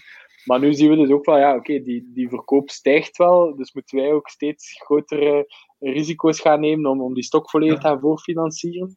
Uh, en zeker ook wetende dat je met nog altijd met een product zit waar dat en dat zijn nu minder en minder aanpassingen, maar die, zoals dat jij ook zei, ja, waar dat er nog altijd iteraties op gebeuren. Hè. En als je dan nu, ja, nu er een heel grote stok aanlegt, of, of toch een stuk groter die stok maakt, mhm. en er moet dan toch nog een iteratie gebeuren, ja, dan zit daar weer mee. Uh, uh, Dus dat zijn zo wel, wel zaken die bij ons, uh, bij ons wel voor zorgen dat er nu gewoon echt voor, voor die groei te financieren, dat echt een groot deel gaat naar, gaat naar stokinkoop ja. van onze producten. Uh, want, want ja, die, die, die lead times die ertussen zitten, zijn ook wel, ay, zijn ook wel wat. Um, en dan ook de, de, ay, de verschillende partners zijn ook nog altijd niet 100% op elkaar ingespeeld. Uh, als, als het ene -hmm. de onderdelen toekomen bij onze assemblage, is nog niet gezegd dat ze daar morgen al geassembleerd worden en naar ons kunnen komen. Die hebben ook een soort van nee. uh, tijdsplanning te respecteren. En, uh, en dan, uh, maar dan heb ik ook wel gemerkt, en dat heb hij ook gezegd, ja, transparantie naar uw, naar uw klanten toe uiteindelijk. En, en daar ook gewoon eerlijk in zijn. En, en ik vraag ook gewoon aan hen van, kijk goed, uh, voor welk project is het? Um, hoe staan de onderaannemers op de planning voor de komende weken? Wanneer moet hij dat echt hebben? Dat ik me daar ook mm -hmm. kan op mhm. richten. En dan wordt dat bij ons echt nog... Vandaag zitten we ook nog meer in, in beetje, uh, we verkopen een product, maar we zitten echt nog in een projectbusiness eigenlijk. We moeten echt nog mhm. projecten gaan verkopen, projecten gaan opvolgen om ervoor te, zorgen, dus ervoor te zorgen dat ze de producten op tijd hebben. En er dan ook nog een keer voor te zorgen dat de installatie eigenlijk op de juiste manier gebeurt. Uh, want daar zijn we eigenlijk ook volledig, uh, mm-hmm. ja, volledig afhankelijk van installateurs die onze producten installeren. Ik denk dat ja. bij jullie, de, de plaatsing van jullie automaten, die doen jullie zelf of uh, die gaan jullie zelf gaan plaatsen, gaan, gaan zetten ter plekke waar dat ze nodig zijn, veronderstel ik? Ja, nu zijn we in overgangsfase, dus tot nu toe wel, maar nu gaan we eigenlijk met ah, ja. een externe partner werken. Ja. Ah ja, oké. Okay, ja, ja, ja. En welk, type, welk type bedrijf is dat dan die dat voor, voor jullie gaat doen? Dat zijn... Ja, ja, dat is eigenlijk een, een operationele partner die een, ja, voornamelijk koffietoestellen eigenlijk gaat, ja. gaat verdelen en ook de technische service gaat providen daarvoor. Um, dus wij zitten eigenlijk bij hetzelfde type, type ja. klantenbestand, um, waarbij dat zij de technische service van het toestel eigenlijk gaan, gaan voorzien, um, als ook de installatie. Ja. Oké, okay. yes. yeah, alright. Wat hij straks zei was wel interessant, van, dat je eigenlijk op voorhand in een, hardwareconcept op voorhand wel effectief in je, in eigen toekomst moet, moet gaan investeren. Um, ja. Dat het vertrouwen van het verkoop van, van eigenlijk zes maanden in de toekomst, ja. um, dat je eigenlijk vandaag de dag daar, daar centen voor moet uitgeven. Dat is, dat is ja. productie, dat is stok, dat is voorraad, dat is ook ontwikkeling. Um, maar dat die gap tussen verkoop en eigenlijk de investering zelf ook al uh, vrij groot is. Ja. Ja. Maar zeker daar, daarmee gepaard die, die, ja, die cashplanning ook eigenlijk uh, in de, in de dat, wordt, dat zijn allemaal echt zaken die, die echt wel ja, uh, die voor mij dan, want ik heb ook ik heb, ik heb heel weinig economische, zo, zo niet onbestaande economische achtergrond. Er wel uh, dingen zijn waar, ik nu wel, waar we nu wel echt mee geconfronteerd worden. En, uh, en dat je daar wel moet zo zien dat je niet ja, dat je gewoon niet door, een, door één stomme uh, bestelling te plaatsen of één, iets, iets stom te doen, jezelf voor de komende zoveel tijd echt wel in een heel benarde situatie kunt brengen. Ja. Uh, dat er eigenlijk daar wel risico's aan vaststaan. Ook al zie je dat, dat je bedrijf dat je verkoop aan het lopen is, wil nog niet zeggen dat je niet op korte termijn toch nog een stomme stoot kunt doen en, en, het, en het eigenlijk zo wat jezelf, ja, jezelf in, in, in, het zak zetten, zal ik maar zeggen. Ja. dus dat was wel zo van, oké, ja, we zijn niet meer bezig met iets, iets uh, ja, met een start-up, uh, met, wat, met wat dingetjes te verkopen. Uh, dat, is, dat is op stok dat dat moet liggen. Je moet zorgen dat die de stok veilig ligt, dat dat goed geassembleerd is, dat er daar geen productiefouten in zitten. Ook al kunnen ze niet allemaal zelf gaan, gaan, gaan assembleren, mhm. ook al zou je het eigenlijk wel, wel willen. Vandaag nog, nog ik, weet, ik weet dat Bart dat doet. Bart is daar op dat vlak heel ja, niet, niet autistisch in, maar heel strikt in. Elk stopcontact dat buiten gaat, ja, heeft zijn stekker vijf keer gezeten. Hè. Gewoon, om, gewoon om te testen dat alles, alles werkt. Hè. Dus, dat is, uh, dus ja, dat kun op, op, op termijn kunnen dat ook niet meer, uh, niet meer handhaven. Hè. Nee, nee. Uh, maar nu, nu, vandaag is dat wel nog zo. Maar ja, dat, is wel, dat zijn wel leuke. Nu voelen we ook dat we bij onze, bij onze assemblage, waar we nu zitten, dat we daar nu wel echt op, op limieten botsen qua, qua, qua tempo waarop dat, dat kan gedaan worden. Dat gebeurt nu bij een beschutte werkplaats. Dus zij ontvangen eigenlijk alle, alle of een maatwerkbedrijf is nu eigenlijk, mocht dat -hmm. geen beschutte werkplaats meer, een maatwerkbedrijf. En, uh, en die hebben tot nu, dat was altijd heel flexibel voor de, voor de aantallen die we toen hadden, maar nu zien we dat die aantallen echt vergroten en plots ja, wordt dat eigenlijk omgekeerd. Die, die moeten echt wel, uh, de voor hen is het, wordt het al moeilijk om mee te geraken met ons aantal. En dan moeten we in één keer gaan kijken naar iets helemaal anders, waardoor dat je je kosten ja, ook al helemaal anders gaan worden. Dus daar is het wel continu, uh, continu bijschaven en de verschillende beetje ja, op, elkaar afstemmen. Daar wil ik nog eens even op inpikken. Als ik mag. We zijn nu even over assemblage bezig, wat uiteraard een heel belangrijk onderdeel is. Maar voordat je daar komt, moet je uiteraard beginnen met productie. Waar je ook uh, heel verschillende partners voor nodig hebt. Uh, de, de, typische dingen die je dan hoort, is dat je, dat je dan vaak naar China gaat, omdat daar goedkoper is dan weet ik wat. Ik weet niet wat jullie ervaring daarmee is, waar dat jullie daar, uh, daar geraakt zijn of hoe, hoe jullie dat gedaan hebben. Uh, maar dat is veronderstel niet zo evident om gewoon ten eerste die mensen te vinden, want persoonlijk ik zou niet weten wat ik moet beginnen om te zoeken naar zo van die mensen die dat doen. En dan gewoon te zeggen, kijk, hey, hier zijn een hoop onderdelen van een machine dat we ontwikkeld hebben, waarvan we soms, soms werkt het, soms niet. Hè, om het heel even cru te zeggen, wilt je die eens even maken? Uh, dat is ook een heel, heel moeilijke beslissing geweest, veronderstel ik, om het allemaal te vinden. Ja, absoluut. Um, ja, een zoektocht naar leveranciers, dat is eigenlijk wel een, uh, een goed topic ook. Um, dat was ook vrij complex om aan te starten, vonden we omdat je daar ook geen ervaringen hebt. Je zit niet in de industrie, je zit niet in de sector. Dus wat wij hebben gedaan is enerzijds ja, een stuk desk research natuurlijk. Je speurt het internet af en komt op alle soorten websites. Um, en aan de andere kant met, met um, aanbieders praten van gelijkaardige producten. Dus bij ons waren er bijvoorbeeld um, bedrijven die waterdispensers ver, verdeelden, uh, bedrijven die kennis hadden van zogezegde postmixapparaten. Dat zijn uh, toestellen dat je bijvoorbeeld in McDonald's terugvindt, dat je ook een, een cola uit gaat tappen dan. Um, en dan zo ja, hebben we wat een schets kunnen maken van bestaande producenten of leveranciers van uh, bepaalde producten.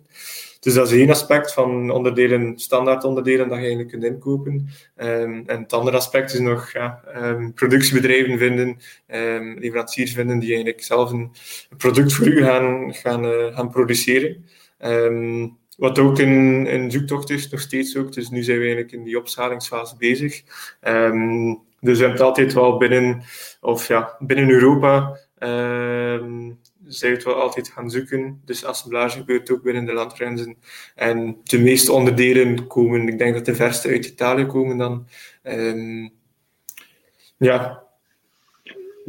En welke, welke uh, als je uh, naar productie van sommige onderdelen, welke, mm -hmm. welke type bewerking of welke type producten worden er bij jullie, uh, of, of, of, onderdelen worden er geproduceerd? Is er daar ook spuitgieten bij, of, of, is ja. of zijn het andere dingen?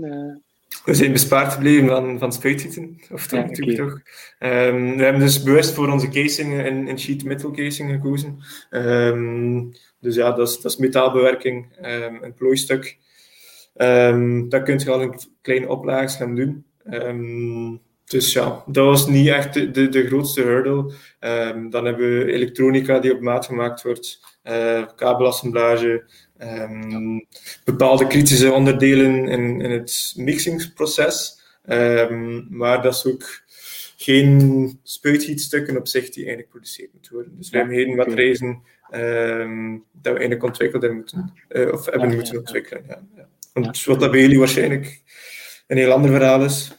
Ja, inderdaad. Bij ons, uh, het grootste deel uh, is bij ons enerzijds matrijzen. Uh, in volume mhm. is dat het grootste, het grootste aantal onderdelen die moeten gemaakt worden. En dan daarnaast ook wat metaalbewerking. Uh, voor de mhm. koperstukjes waar, u, waar, u, ja, waar uw stopcontact eigenlijk tussen gaat, uw pennaarden en dergelijke. En die moeten dan ook gesoldeerd worden op een grote printplaat, uh, die eigenlijk de basis vormt van een stopcontact.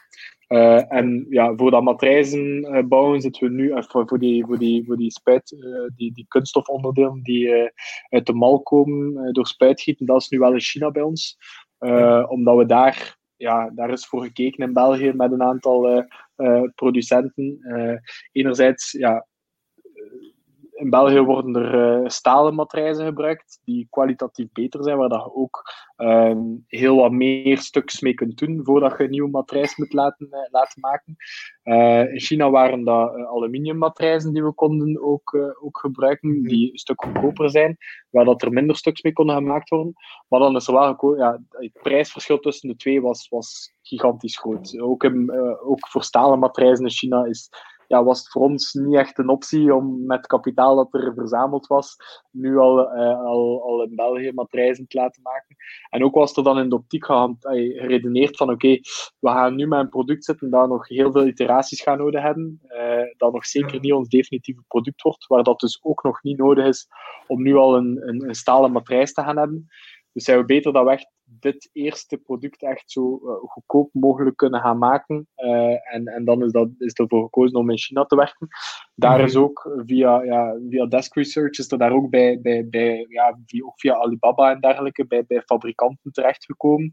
Ja. En uh, is er overal ja, prijs gevraagd. Natuurlijk, het, het, nadeel van dat, van dat spuitgieten is dat je uh, je, kunt geen, je kunt geen demo's of samples vragen. Uh, er moet een matrijs gemaakt worden vooraleer dat, dat ze je een sample kunnen geven. Dus, mm -hmm. dus het is echt wel, dat was echt wel een risico om te nemen om een keer een van de onderdelen toch te vragen van goed, kijk, maak daar nu een mal van. Uh, dat gaat dan over, over de prijs van een, voor een relatief goedkope mal daar rond de, rond de 4000 dollar of zo zitten. dat, was, ja, dat was een risico dat moest genomen worden. En dan is er daar echt wel... Allez, geluk mee geweest, want dat was goede kwaliteit. Die mensen mm -hmm. zijn ook tot op vandaag. Ay, dat, is, dat, is, dat is prachtige uh, uh, klantenbegeleiding. Uh, die response time van e-mails die gestuurd worden is super snel aanpassingen die moeten gemaakt worden aan matrijzen worden gemaakt zonder dat daar grote kosten voor in rekening worden gebracht. Dus eigenlijk voor ons als start-up die nog met heel variërende matrijzen zitten, die nog op kleine hoekjes moeten uitgeveild worden of een beetje materiaal moet bijgeplaatst worden, omdat je onderdelen toch qua, qua dimensies iets veranderen, is dat eigenlijk wel, is dat tot nu toe een heel goede samenwerking geweest. Natuurlijk kijken we nu wel naar, naarmate dat we nu ook zien dat die iteraties minder worden van bepaalde onderdelen en dat we bij bepaalde matrijzen ook naar naar het einde van hun, uh, naar, naar het einde van hun looptijd gaan, dat we, dat we nu wel aan het kijken zijn om, om meer te gaan, ja, nearshore noemen ze dat dan, uh, in bepaalde andere landen in Europa, uh, waar dat nog altijd qua prijs relatief goed meevalt, maar dat je ook, ja, uh, dat is nu stom, maar, maar dat, dat, dat, dat, die een boot daar in het Suezkanaal, ja, voor ons was dat we hebben daar een heel groot risico gehad. Blijkt dat die er net voorbij was bij ons onze boot. zat net een heel grote zending van daarop. Maar ja, dat zou er wel voor zorgen dat het plots in één keer een maand achteruit geschoven wordt met, mm. met, met, materiaal. En dat is dan ook wel dat voordeel van alles bij huis te hebben. Maar dus spuitgieten is het enige dat eigenlijk in, uh, dat eigenlijk in China gebeurt, samen met de, de koperstukjes zelf die daar worden gemaakt. Maar voor de rest worden de onderdelen naar, naar België uh, gebracht. En uh, de printplaten die worden bestukt door een Belgische firma. Dat is een dienst dat dat gedaan wordt. En dan uh, de bestukte printplaten met de kunststofonderdelen worden geassembleerd in dat maatwerkbedrijf. En dan komt alles bij ons terecht. Ehm, maar nu, ja voorlopig is dat, dat China-verhaal, dat was een groot risico in, in eerste instantie. Tot nu toe is dat altijd heel vlot verlopen. Natuurlijk zeggen ze ook wel van ja, je weet natuurlijk niet wat ze doen met je, met tekeningen daar en zo. En uh, wie dat er daar misschien al, al, al, al, wie dat er al zijn handen heeft gehad. Uh, of dat ze daar iets van plan zijn of niet. Het voordeel is met ons product dat ja, het is geen stopcontact dat je op de Chinese markt kunt brengen. Dus ze zijn er eigenlijk niet mee, en niets mee. Ze zouden het dan moeten in België heel specifiek op de Belgische markt gaan verkopen. En dan zeggen er toch wel dat dat, dat, risico eerder beperkt is. Uh, maar verder ook, toen, dat er, toen dat er hier uh, iets stom, maar, maar die, die mensen zijn... We hebben daar eigenlijk wel een soort van band mee opgebouwd. Uh, die, die, die zijn eigenlijk heel meelevend ook, mensen. Toen dat bij ons corona begon ook, dat was echt... Elke week was dan een mail sturen van en hoe gaat het met jullie familie daar? Alles goed? Bij de volgende zending sturen we nog een keer 100 mondmaskers mee. ze wisten dat we daar nood aan hadden, dat dat hier tekort was op een bepaald moment. Dat was mondmaskers meesturen. Ze worden er echt alles aan doen dat dat bij ons allemaal oké was. Uh, en, en, en, Bart ook was van plan om vorig jaar, toen ik er nog niet bij was, ook, ook naar, naar China te gaan. Uh, maar dat was dan ook net, uh, net toen dat corona daar dan eigenlijk uitbrak, was dat dan niet mogelijk. Dus zijn we daar, zijn we daar eigenlijk nog niet geweest. Maar um, tot nu toe wel daar goede ervaring gehad. Maar natuurlijk op termijn, ja, moeten we, zeker ook voor onze supply chain, is het veiliger van het wat dichter bij huis te hebben. Ja. En ook ja, om het op die manier ook ja, ecologisch en duurzamer uh, een beter verhaal te maken. We hebben heel lang gekeken ook voor, voor onze, uh, voor onze kunststof zelf uit, uit eigenlijk het gerecycleerd kunststof te gaan maken, om, om daar eigenlijk op te gaan inspelen. Maar dat bleek via verschillende omwegen bleek het nooit mogelijk om eigenlijk om dat ge, gekeurd te krijgen, omdat de exacte samenstelling van uw materiaal kan dan eigenlijk niet geverifieerd worden en dan kan het eigenlijk door de keuring ook niet gekeurd worden.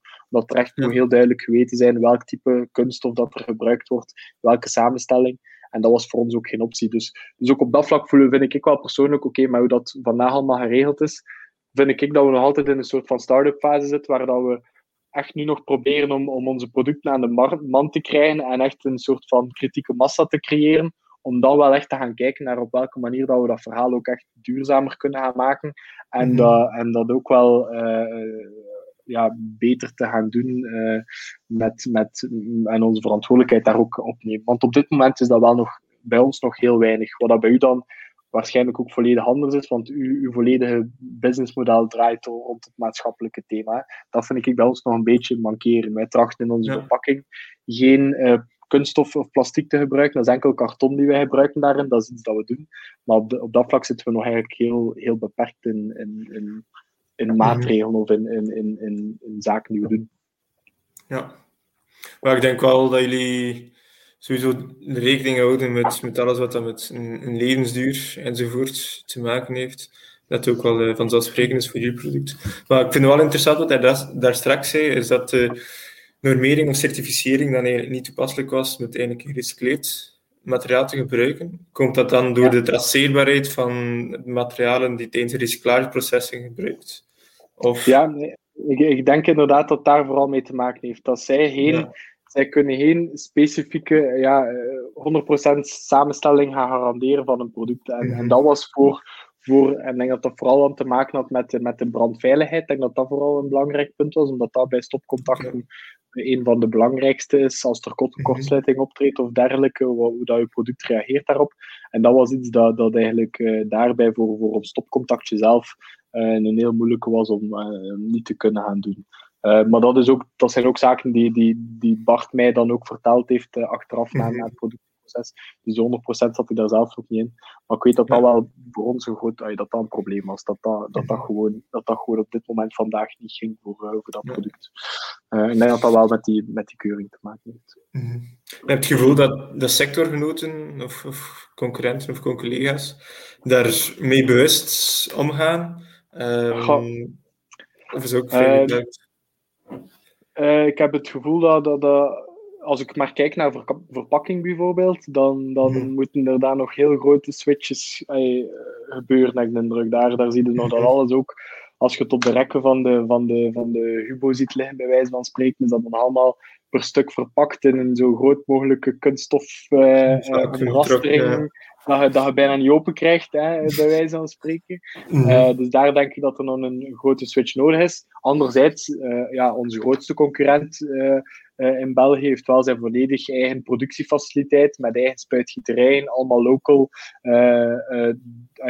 dat is ook een heel moderne fabriek die, die uitgerust is van van, van, het, van de zonnepanelen en dergelijke. Dus op dat vlak ja, zijn ze waarschijnlijk ja. wel beter dan de manier hoe dat wij het doen. Hè. Ah, ik weet ook dat ze niet al hun onderdelen, niet alles wordt in België gemaakt. Er zijn ook een deel van hun onderdelen extern komen. Maar, uh, maar ja, dat zal denk ik misschien ook wel een beetje eigen zijn aan de sector. Dat, dat, dat geen eenvoudige sector is om, om, om vandaag, los van de manier uh, hoe dat je energie opwekt om, om in je productieproces te gebruiken, verder de materiaal, dat die redelijk dat daar nog altijd een beetje is dat de, dat de veiligheid primeert uh, op, op, mm -hmm. op, de duurzaamheid, misschien in eerste instantie. Um, anderzijds, wat we wel zien, en dat, is, dat heeft is misschien niet meteen met duurzaamheid te maken, maar wel met innovatie, vind ik wel dat in onze sector, uh, dat België daarin dat, dat, dat een heel, een heel, geen giftige situatie, maar toch een beetje een zonde situatie is, dat je echt met zo'n redelijk groot monopolie zit. Omdat je merkt dat, dat ik, ik zie dat als ik met installateurs praat, als onze concurrentie bij hen langskomt, -hmm. worden daar heel duidelijk bepaalde innovaties uit het buitenland worden daar niet overgebracht naar die installateurs. Die installateurs, de, onze concurrenten, die, die gaan echt wel gewoon proberen om, om die willen een, een producten die ze al altijd produceren, wat ook logisch is, waar dat ze een heel optimaal productieproces voor hebben ontwikkeld. Die willen ze eigenlijk trachten blijven te verkopen. Maar echt de, de, de, de, de innovatie uh, op vlak van bijvoorbeeld draadloze, uh, draadloze toepassingen, die wij, waar wij heel sterk op inzetten met onze drukknop nu ook, die volledig draadloos, zonder batterij worden geïntegreerd, waar dat er echt mechanische energie gebruikt wordt wanneer dat je op je drukknop duwt om je Bluetooth-signaal te gaan uitsturen. Dat zijn zaken die voorhanden zijn, die bestaan, die ook al uit een testfase zijn uh, reeds een aantal jaar, die toch niet worden ingeburgerd, omdat ze een zodanige vaste markt hebben en iedereen eigenlijk uh, mee hebben in het verhaal, waardoor dat eigenlijk ja. nodig is om te gaan innoveren op die, die punten. Dus daar zien wij dat wel op dat vlak en dat is ook wel, dat heeft ook zeker zijn duurzaam karakter, omdat we op die manier met die draadloze drukknoppen ook heel veel koperkabel uitsparen. Het zijn drukknoppen die geen batterij hebben, dus die energieopwekking is volledig duurzaam eigenlijk. Uh, er moet geen batterij vervangen worden of niks. Daar proberen wij dat wel echt dat verhaal te gaan brengen ook aan die installateurs in samenspraak met partners uit het buitenland, om, om hen ook wel gewoon wat wat meer andere zaken te laten zien, los van ook ons eigen product, dat, productgamma dat we hebben. En dat proberen we wel te doen, om, om meer te vertellen dan eigenlijk gewoon ons stopcontact dat er mooi uitziet, dat eenvoudig geïnstalleerd is. Er komt wel meer bij kijken.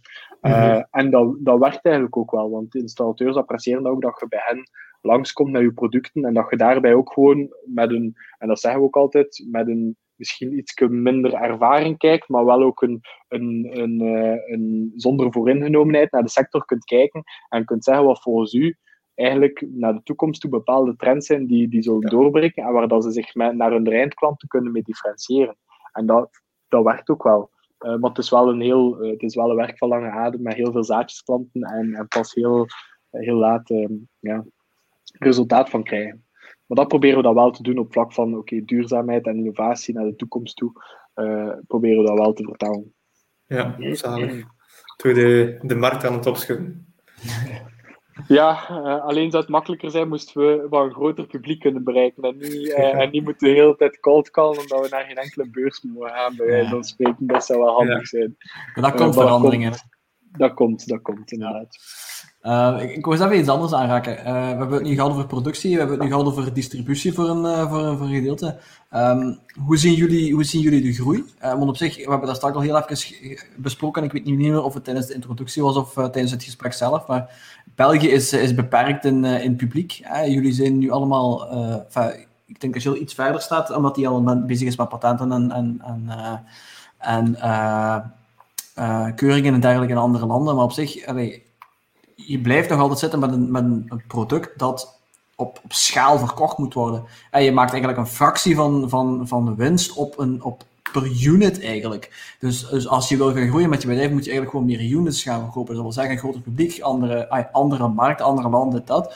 Um, dus daar komt ook wel bij kijken. Dus ik wil eens even weten bij jullie, hoe hebben jullie dat berekend? Dat, um, wat die marge, moet zijn en hoe proberen jullie die groei te garanderen? Want zo gauw die groei stilvalt, ja, dan, dan, dan valt alles stil uiteraard. Hè? Ja, dat is uh, een paar vragen in één, denk ik. Uh, wel heel interessant. Uh, groei in algemeen. Ehm, het is complex, dus ben ik geweest aan, aan, aan, de vooravond van, van eigenlijk op te schalen. Dus het zijn één zaken dat, we, dat ik echt al uit, uit ervaring over kan, kan spreken. Maar dat we wel tegen die uitdagingen zitten aan te kijken. Ehm, ben ik aan het denken waar ik ging beginnen eigenlijk. Um, ben het even kwijt. Jan, waarmee zijt je geëindigd in die vraag? Met die vraag?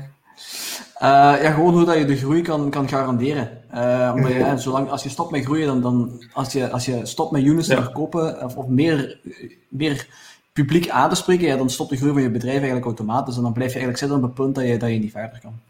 Ja, maar bij ons hebben we wel een, een dubbel verhaal. Het is inderdaad daar dat ik uh, op windpikken, bedankt.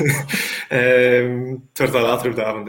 Um, um, dat we een, een, een hardwareproduct hebben die we gaan, uh, gaan verkopen of gaan verhuren. Um, maar ons verdienmodel zit wel voornamelijk op, op, op onze consumables, op de limonade zelf. Dus vandaar hebben we eigenlijk een, een dubbel gelaagd model waarbij dat we enerzijds een, een cash-in hebben voor het, het hardware-component, maar dat we eigenlijk wel een recurrent model kunnen, kunnen implementeren in, in de limonade zelf. Dus we gaan daar wel echt een volume moeten bouwen um, van, van afname, van hoeveel limonade dat er gedronken wordt.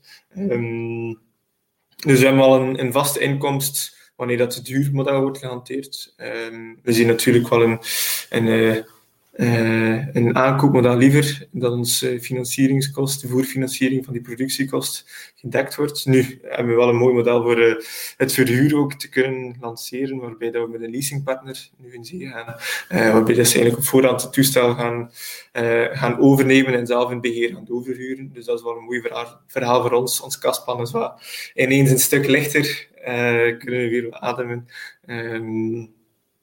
Maar dus het is wel daar dat we op, op twee verschillende punten werken. Dus ik denk dat dat voor Jill een, een andere context is, waarbij dat inderdaad op, op per stuk, per unit um, verkoop moet gaan werken. Um, en dat daar wel even, veel intensiever is om, uh, om die groei te blijven garanderen. Dat je daar echt een, een sales-first principe moet gaan hanteren.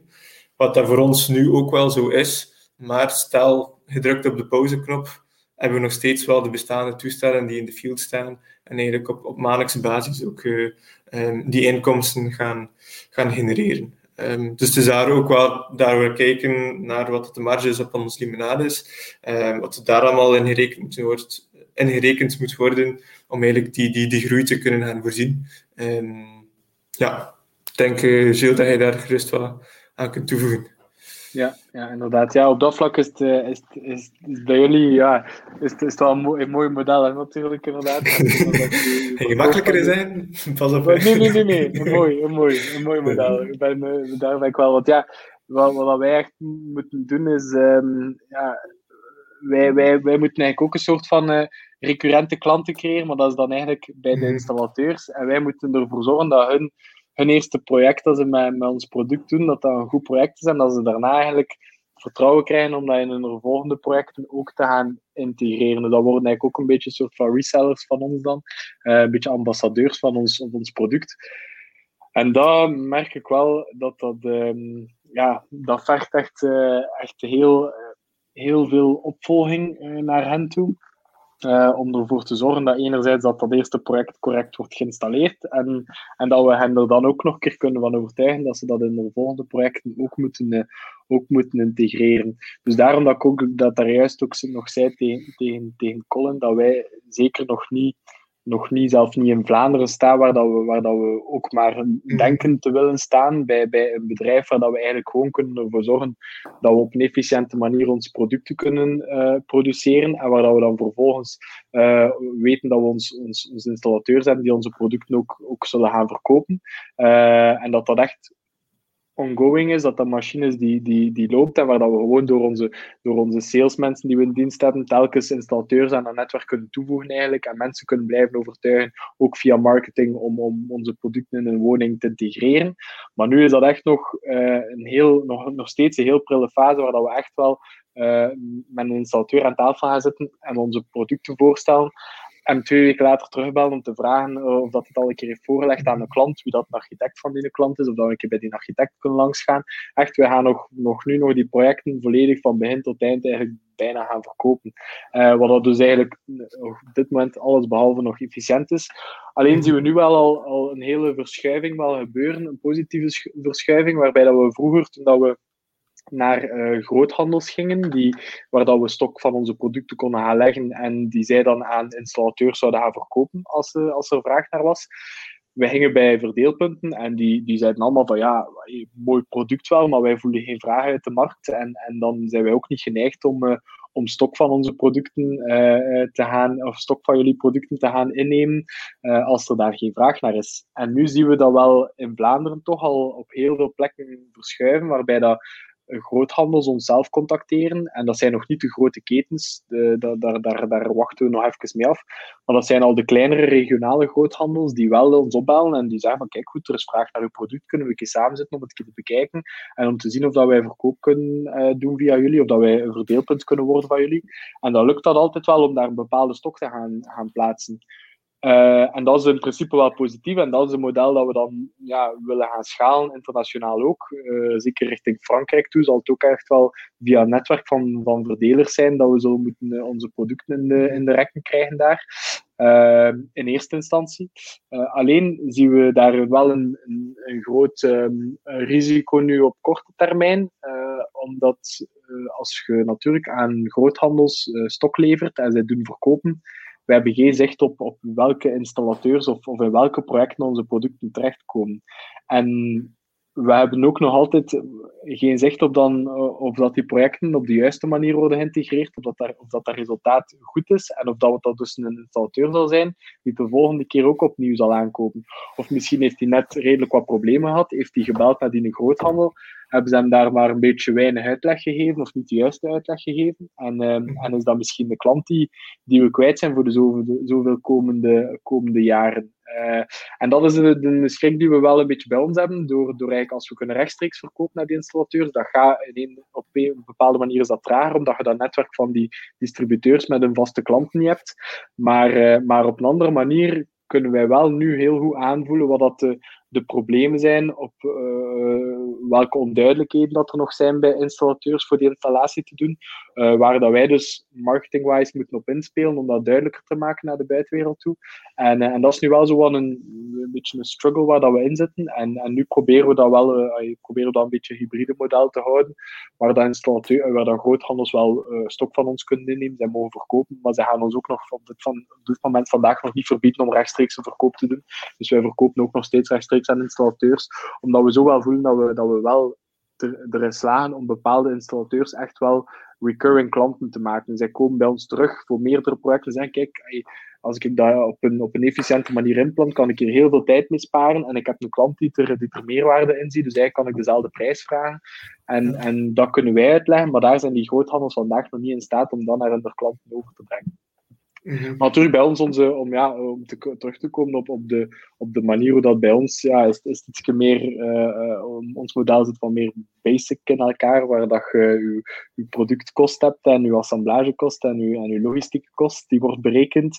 En, uh, en dan nemen wij daar, hebben wij daar een, een marge op die wij, die wij inrekenen.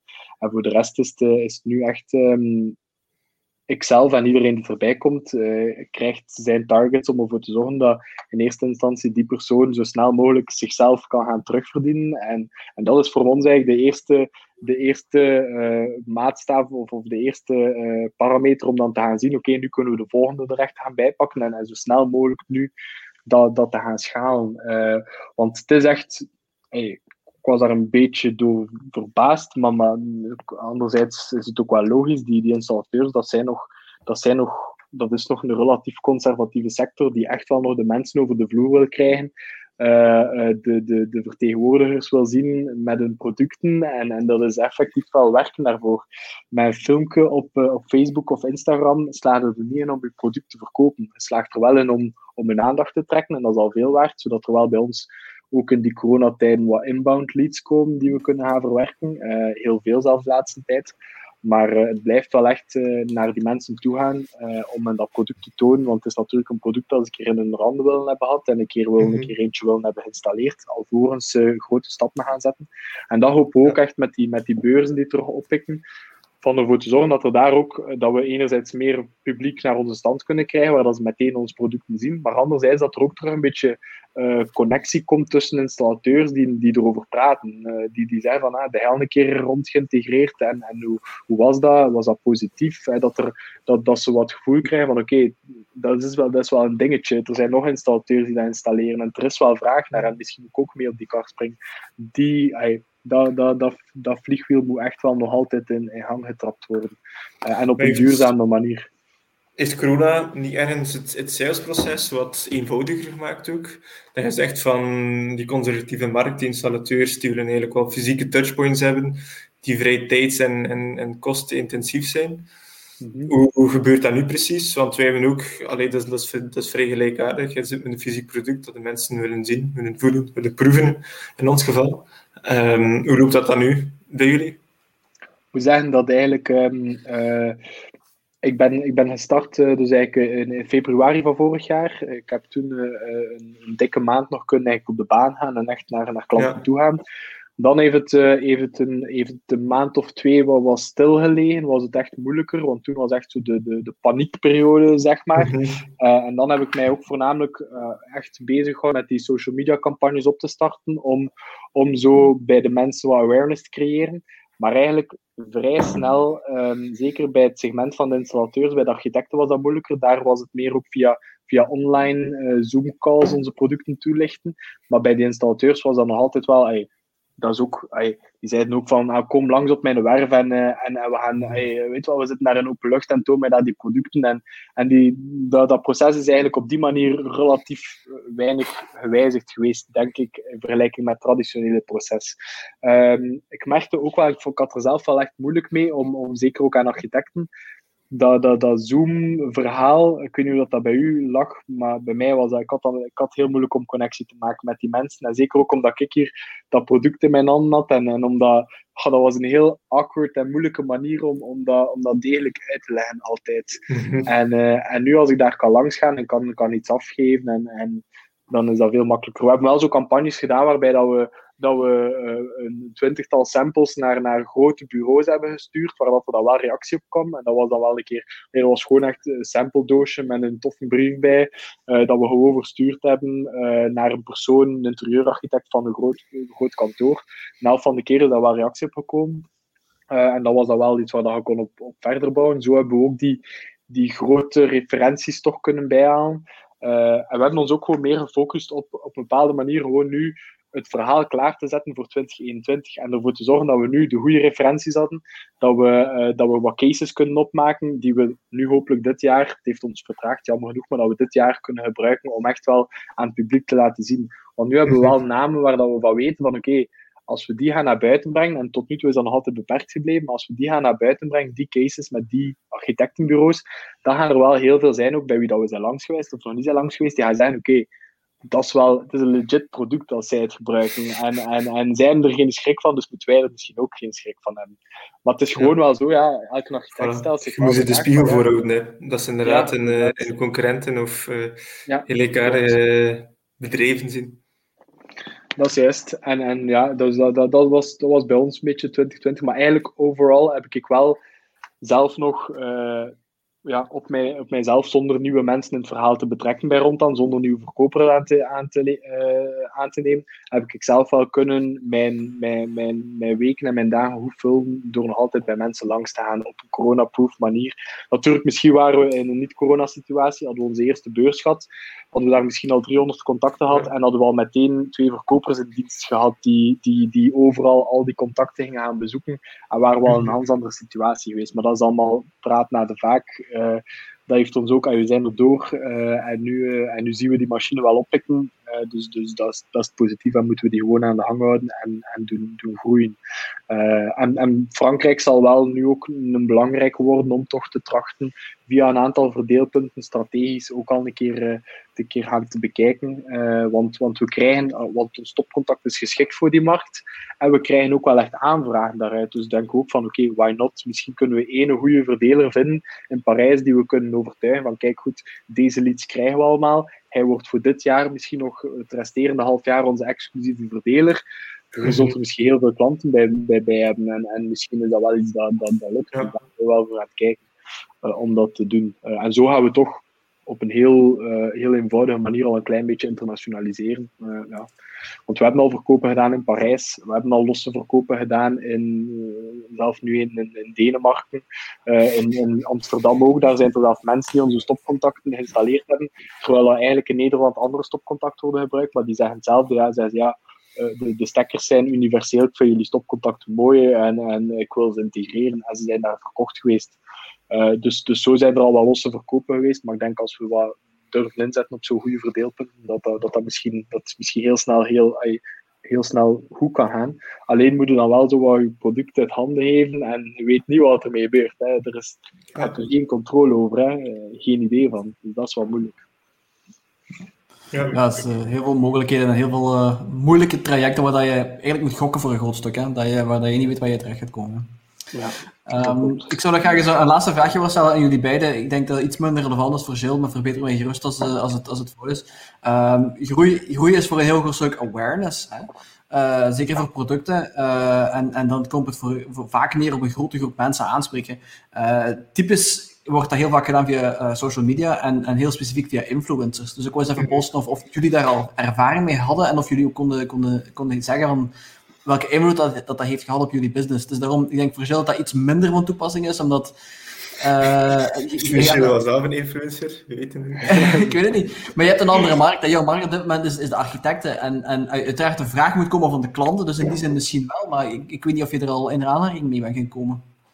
Ja, ja wel, wij hebben een, een B2B2C product wel. Um, dus eigenlijk nu op dit moment meer een B2B context met wat B2C allures, uh, om zo te zeggen. Um, waarbij dat ook de eerste focus eigenlijk het, het uitrollen van onze toestellen is. En dat dat eigenlijk echt een, een B2B verkoopsmodel is. Dus wel onze salesprocessen, onze marketingprocessen zijn wel echt daarop afgestemd. Alles wat we op social media doen is meer uh, om onze vrienden en de mama up-to-date te houden wat dat er allemaal gaande is. Um, ook wel met een beetje een, een, een, insteek van dat we wel een zekere following ophouden voor wanneer dat we echt op meer B2C, semi-openbare locaties noemen dat dan aanwezig zijn, zoals echt campussen, zoals andere on-the-go locaties. Um, dat we daarop wel kunnen werken en dat dat makkelijker uh, kunnen kwadrateren, zeg maar. Um, maar het is vrij beperkt wel. Um, dus we maken nog geen gebruik van influencers. Als er influencers zouden zijn die van limonade en duurzaamheid houden, uh, klop gerust aan. We kunnen zien wat dat we samen kunnen doen. Uh, maar op dit moment is dat eigenlijk vooral in de in B2B uh, marketingkanaal dat gaan aanspreken. Dus het inbound aspect waarbij LinkedIn een, een, een hele belangrijke is. Um, en een outbound aspect ook, dat, dat waarschijnlijk ook een, een expert in is. Um, van cold emailing tot cold messaging op LinkedIn ook, tot, tot af en toe een cold calling te doen. Um, ik vond de, een toffe insteek van een keer een gratis sample op te sturen of een, product. En misschien doen we dat ook al binnenkort. ja, dus dat, dat is bij ons het, het, voornaamste. Uh, ja. ja. horen jullie mij nog? Ja, ja. precies. Ah, Oké, sorry. Um, bij ons is het, eh, is uh, wij, wij trachten daar wel nu in de nabijheid ben wel zo aan het kijken naar een paar influencers om daar gebruik van te maken. Uh, maar vaak zijn dat ook gewoon, misschien niet echt influencers, maar bijvoorbeeld is een, een heel bekende interieurfotograaf op Instagram, een, een Vlaming die meer dan 120.000 volgers heeft en die echt wel in de architectuursector een heel grote naam heeft, om hem een keer uit te nodigen op een project van ons, om daar een keer te fotograferen en ons dan mee te nemen in zijn social media profielkanaal. Ik weet nog niet wat het, het, het, resultaat gaat zijn, maar, maar dat zijn wel zaken die we nu gaan proberen. Ook, uh, proberen, ook omdat we nu eindelijk uh, die projecten hebben om door hem te laten fotograferen. Dat zijn enkel, dat zijn, dat zijn interieurfotografen die, die gaan ook geen foto op hun kanaal zetten die maar half is van een half project. Dat moet echt wel top-notch zijn. En, uh, en nu is dat wel, je staat dat wel in de, in, de, in, de, in de stijgers om dat te doen deze zomer. En anderzijds ook een mevrouw nu die, die, die heeft nu 22.000 volgers en die heeft, heeft onze stopcontacten en druktoppen naar volledige woning geïntegreerd. En dat staat nu ook op de planning om die, ja, die, heeft zo, die maakt daar een heel verhaal rond op haar Instagram over welke producten dat ze gebruikt naar woning. En wij zullen er ook één van zijn die, die, op, die, die, die aan, uh, aan, aan bod zullen komen. Maar wat het resultaat gaat zijn, dat weet ik niet. Maar, maar ik denk ook wel dat dat mee zal helpen om, en dat is bij ons een belangrijke, van gewoon die social proof te krijgen. En, en want het is een product dat in je muur gaat, dat, dat blijft er 20 jaar lang in zitten, 25 jaar lang. Je steekt er zo 50 of 100 in je volledige woning. Het is niet dat, dat mag uh, ja, na, na, na twee jaar kapot gaan en alles moet vervangen. Hè. Dus, dus uh, ja, er worden wel investeringen gedaan. Hè. Dus dat is voor ons nu het belangrijkste, van echt wat, wat social proof te creëren. En dan zullen influencers in principe daar ook wel een deel van zijn. Binnen het juiste vakgebied dan natuurlijk, hè, zoals dat, dat ik nu ook zei. Um, dat hangt een beetje af van je strategie. Het is daarom dat ik het zei. Als je, als je richting uh, architecten wil gaan, dan denk ik dat iemand zoals, zoals die, die waar zei, dat dat een hele mooie match is. Omdat, dat, allee, dat zijn de mensen die, die architecten volgen voor een inspiratie. Langs de andere kant kan je ook benaderen, uh, als je de consument aanspreekt en de consument gaat er naar vragen en zeggen van kijk, dit wil ik hebben, ja, dan, dan, dan, dan heb je zo de hefboom. Ik weet uiteraard niet wat het makkelijkste is, hè. Um, maar het, het, je kan het op twee manieren benaderen. Ja, dus, dus testen en, uh, en, resultaten analyseren, denk ik. En dan uh, daaruit uh, zien wat, dat, wat dat er mogelijk is. Hè. Dat, dat heb ik ook wel mee, mee want ik ook, ook op vlak van marketing had ik, heb ik geen ervaring, weinig ervaring. Maar daar heb ik in, in 2020 daar wel gewoon gebruik van gemaakt. Van zoveel van die growth marketing cursussen te doen en zo. die, waar dat er overal al wat mee naar je hoofd werd gesmeten. en en dat, was, dat heeft mij wel veel geleerd om, om toch een bepaalde denkwijze te hanteren om veel te testen, veel kleine experimenten op te zetten. Zoals dat ik zei, daar zo een experiment was, ook een tiental samples versturen. Bij 20 waren het er uiteindelijk geworden. Uh, en zien we wat de reactie erop is. Dat is low cost uh, uiteindelijk, uh, kost u niet veel. Maar, maar je ziet direct of dat, dat aanslaat of niet. ook een keer iets heel simpel, een keer twee, twee types van mails opstellen, naar eenzelfde soort doelpubliek opsturen en ook ja. gewoon zien welke dat er het meest reactie op komt. En, en natuurlijk zitten we nu nog niet in de fase waar dat, dat op dat niveau moet gaan doen. Je moet nog veel breder gaan doen. Maar je ziet wel al van hoe dat ook, hoe dat grotere bedrijven te werk gaan om echt wel hun groei eigenlijk op een soort van kunstmatige manier te blijven uh, door AB-testen te blijven, uh, te blijven in stand houden. Hè. Ik vond een, een goede quote van, van, uh, van, de, van, van de Amazon-founder, van Jeff Bezos, was zo van ja, de, de, onze, de groei van ons bedrijf is eigenlijk een functie van het aantal experimenten dat wij per dag, per maand, per jaar uitvoeren op onze platform. Dus eigenlijk als zij, zij blijven eigenlijk gewoon zoveel mogelijk AB testen en telkens kiezen de, de, de, de, beste, uh, de beste resultaten uit, daar gaan ze op verder en ze blijven verder AB testen. En dan komt het tot het resultaat van zo'n website waar je denkt zo, uh, hoe, ziet dat er nu eigenlijk uit en uh, wat gedrocht van een website. Maar blijkbaar staan daar alle knoppen juist en, uh, en is, eigenlijk is dat gemaakt om je door dat salesproces te begeleiden. En dat vind ik wel cool om, om over na te denken dat je eigenlijk zo op die manier kunt, kunt mensen gewoon, gewoon ja, niet tracken, maar echt wel op een efficiënte manier door je dingen leiden. En dat was ook zo, dat, dat, dat hebben we ook gebruikt om te doen. En dat zal me zeker op sommige punten nog van pas komen. Op andere punten is het nog veel te vroeg om, om al die zaken te gaan toepassen. Maar zeker ook die automatisering van zo uh, via bepaalde zo Phantom Buster op LinkedIn profielen gaan mhm. bezoeken van, van, van architecten. Dan zie je dat die terugbezoeken. Dan denk je van oké, okay, top, connectieverzoek sturen. Zeggen van kijk goed, wij zitten in dezelfde sector. Ik wil graag op de hoogte blijven van, van de laatste trends. Maak mij toevoegen tot je netwerk oh, die zeggen, oh fijn, leuk, hè, die, die, die is geïnteresseerd wat ik doe. En dan hup, komt op die mensen in de feed en dan begint hij een beetje te posten en dan zien ze in één keer, ah man, wat doen die man? En op LinkedIn, dat is een goed kanaal. Maar zo, dat zijn allemaal zo van die kleine tricks die wel die heel veel opleveren. Hè naar de Michael en geluisterd. onder andere, onder andere, ja. onder andere, inderdaad. Het zijn er ja, veel die dat zijn. Voilà. Ja, maar, dat is, dat is... maar het is wel een heel belangrijk wat je zegt. Ik heb het ook heel erg onderschat als een een, ja, toch een, een leek van niet in sales en marketing te zitten, dat je heel veel eigenlijk in één hand kunt nemen. Dat je echt wel een, een die sales en marketing machine kunt opbouwen Alleen nu zijn je die nog steeds aan, aan, op hangen trekken.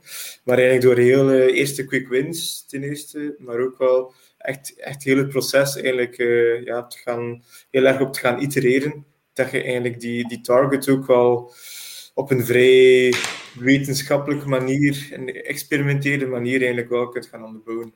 Um, ja, we hebben ondervonden, een, een leuk weetje misschien ook voor Jill.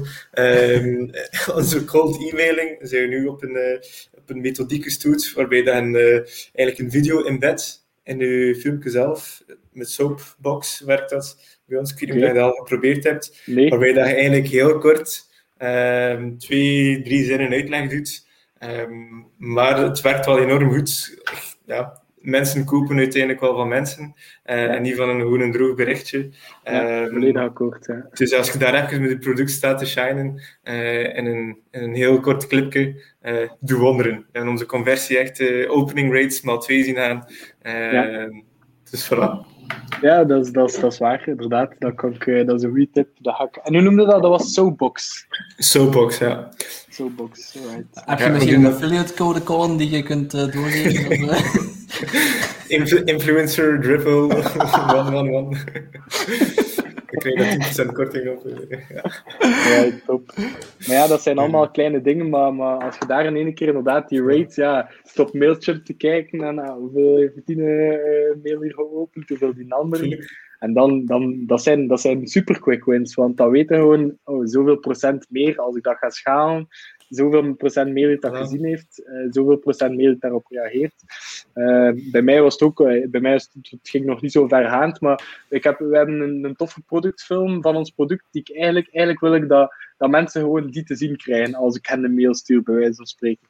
En ik, en ik heb zo gewoon een, een, een redelijk klassieke mail getypt, maar dan in een van de, op, de, op de derde of de vierde lijn staat echt in het groot gewoon zo bekijk de film hier uh, één minuut. En zo van, oké, okay, weet je wel, bekijk dit, duurt één minuut, klik erop. En dat zie ik ook gewoon bij die mails, dat gaat beter dan die traditionele mails, wat het aan het klein staat. En het ziet er niet zo goed uit, want dat ene staat zo in het groot erop en dat is zo wat niet in verhouding met andere. Maar dan klikken ze daar wel op en dan zien ze die film en dan is het direct van, oké, okay, dat weet ik gewoon, daar gaan ze wel op willen verder kijken. En dan, dan, dan, dan werkt dat ook. Um, dus dat is, da, daar moeten we wat innovatief zijn, eigenlijk. Ja. En, uh, maar anderzijds zijn dat wel allemaal zaken die. Soms heb ik wel het gevoel van, ja, ga, moet, ik hey, moet ik hier nu mee bezig zijn? En moet ik, niet, moet ik niet eerder met die hard sales bezig zijn en, en proberen uh, met die klant aan tafel te zitten en hem te overtuigen? Want dat, al zo'n zaak, dat zijn kleine dingen, maar die nemen toch wel een soort van tijd in beslag om, om u daar al is maar te zijn van ik zet er mij nu aan om een keer zo'n mail op te stellen en dat even tijd vooruit te trekken. Als je daar goed in bent en je bent daar gewend in, dan kan dat soms snel gaan, maar om u daar even aan te zetten en zo'n zaken te gaan opstellen, ook zo die automatisaties via, uh, via Phantom Buster bijvoorbeeld, ook uh, DuckSoup, kun je dat, dat kent, dat is ook een vrij goeie. Um, uh, dat, dat is allemaal dat, even tegen dat je daarmee weg zit en tegen dat dat live en running is. ja. Maar, maar, voilà. maar het loont wel in die end, ja. Het is daar ook wel heel belangrijk dat je zegt dat die wel de quick wins zijn. Dat zijn optimalisaties, maar je salesstrategie, je salesproces, ja. dat is echt number one dat goed moet zitten. En wat dat eigenlijk nog meer number one is, meer wat logisch is, is vooral dat je, ja, je product wel uh, er ja. staat en kwalitatief is en dat je inderdaad een, een waarde creëert. En het, het grootste um, ja, saleskanaal gaan je klanten zijn. Dus als je daar een fantastisch product kunt afleveren, ja. ga je eigenlijk niet te veel moeten bezighouden met, met video's op te nemen en een mail te sturen. Ik spreek nu mezelf tegen. Um, maar dat zal de, het, het groot, grootste organische groei gaan genereren. Allee, dat is ook weer um, uit veel podcasts en video's dat ik dat nu zeg. Dat is, dat is een eerste ervaring dat we al zien van... Um, we hebben nu recent een fantastische persartikel uh, gekregen van een klant van ons, die echt een, een, artikel heeft geschreven dat ze eigenlijk ontzettend content waren over de, onze start-up. Welke klant was dat? Was, uh, wie was dat is JBC. Ja, JBC. Ja, het hoofdkantoor van JBC, dat we daar uh, uh, een verpakking hebben kunnen weghalen en dat ze echt ongelooflijk content zijn. En je, kunt, je hebt heel veel highs wanneer dat je um, onderneemt, wanneer dat je aan het werken bent. Um, maar de grootste high is wel effectieve positieve feedback krijgt van de klanten. Ja. Dat is wel echt ongelooflijk. Zeker als je dan zo'n referentie krijgt, um, kan ik enkel beamen. Ja. Dat, dat, is, dat, is wel echt, uh, dat is echt wel vet. En ik kan me goed voorstellen dat dat echt wel heel nice is om, uh, om te krijgen. Van, van zo'n naam, dat is, dat is ook iedereen die op LinkedIn zit, die kijkt daar naar, die kent die keten gewoon, die weet wat dat zijn. Ja. Die weten ook van, die mensen doen dat niet zomaar, die, die hebben dat wel gedaan dat dat zo is. En, en dat, is wel, dat is wel nice. Dat is echt wel... Die social proof waarover dat gesprek een paar keer heb laten vallen. Zo. Um, dat is heel belangrijk, maar je genereert dat ook maar enkel door door de producten op te stellen. Echt heel customer-centric, um, user-centric eigenlijk gaan te ontwikkelen en uh, te gaan. Ja. Want ook mag nog zo, maar, want ja, sommige denken mensen, ja, maar dat zal iemand zijn, het zijn netwerk, hè, dat, maar, maar zelfs dat, dat werkt niet. Mensen gaan het ook enkel doen, uh, ze weten ook wat er op mhm. spel staat als, als ze foutieve uh, zaken doen. En dat, is mhm. wel, dat is wel dan top als je dat krijgt. Want zeker ook bij ons in de business, ook architecten en zo, daar is het echt wel allee, die mogen nog tevreden zijn van de methode van, van integratie en hoe dat die de installateur doet, maar, maar zij wachten echt tot, totdat, totdat de meubels er staan in de volledige woning, totdat alles picobello is afgewerkt om te gaan kijken naar die stopcontacten, hoe dat die, hoe dat die geïntegreerd zijn. zijn echt op dat vlak zijn dat, zijn dat, ja, dat zijn eh, soms een beetje, ook een beetje rare, rare mensen ook, hè, maar die gaan ook, daar krijgen niet zomaar van gezegd van, zeg een keer over mijn producten of, of, of vernoem ons een keer, want voor hen is dat echt wel alles wat zij vernoemen, daar moeten ze echt wel 100% dat, dat moet passen binnen een stijl, binnen een. Binnen een hun eigen naam hangt daar ook aan vast. Hè? Ja, en hun eigen naam hangt daar volledig aan vast. En, en, dat zijn, en, en daar moeten we echt wel hard ook voor werken om dat te krijgen. En, en dat is nog altijd, het loopt nog altijd niet, niet, altijd zo eenvoudig. Maar nu hoop ik wel dat we er wel, wel een paar zo kunnen, kunnen krijgen. Uh, maar ook daar, ja, ja dus, uh, dus inderdaad, het product, product moet goed zijn en uh, je moet ook de willingness tonen naar je klanten toe om het, om het te willen samen met hen ook verbeteren. Uh, klanten, ik zie dat ook, installateurs, hebben daar geen enkel probleem mee dat er daar nog, dat er daar nog kleine kleine probleempjes mee zijn tijdens die integratie. Uh, ze weten gewoon van, ik bel hen op, ik vraag hoe is de integratie geweest en ze kunnen tegen mij zeggen wat ze ervan vonden en welke problemen dat er voor hen zijn opgetreden. En ik luister naar hen en ik tracht dat dan in de mate van het mogelijke over te brengen. Maar, maar dan kan ik hen wel hopelijk de volgende keer een ander product met een heel kleine aanpassing aanbieden. En meestal zijn dat kleine aanpassingen tot nu toe, dus dat is positief.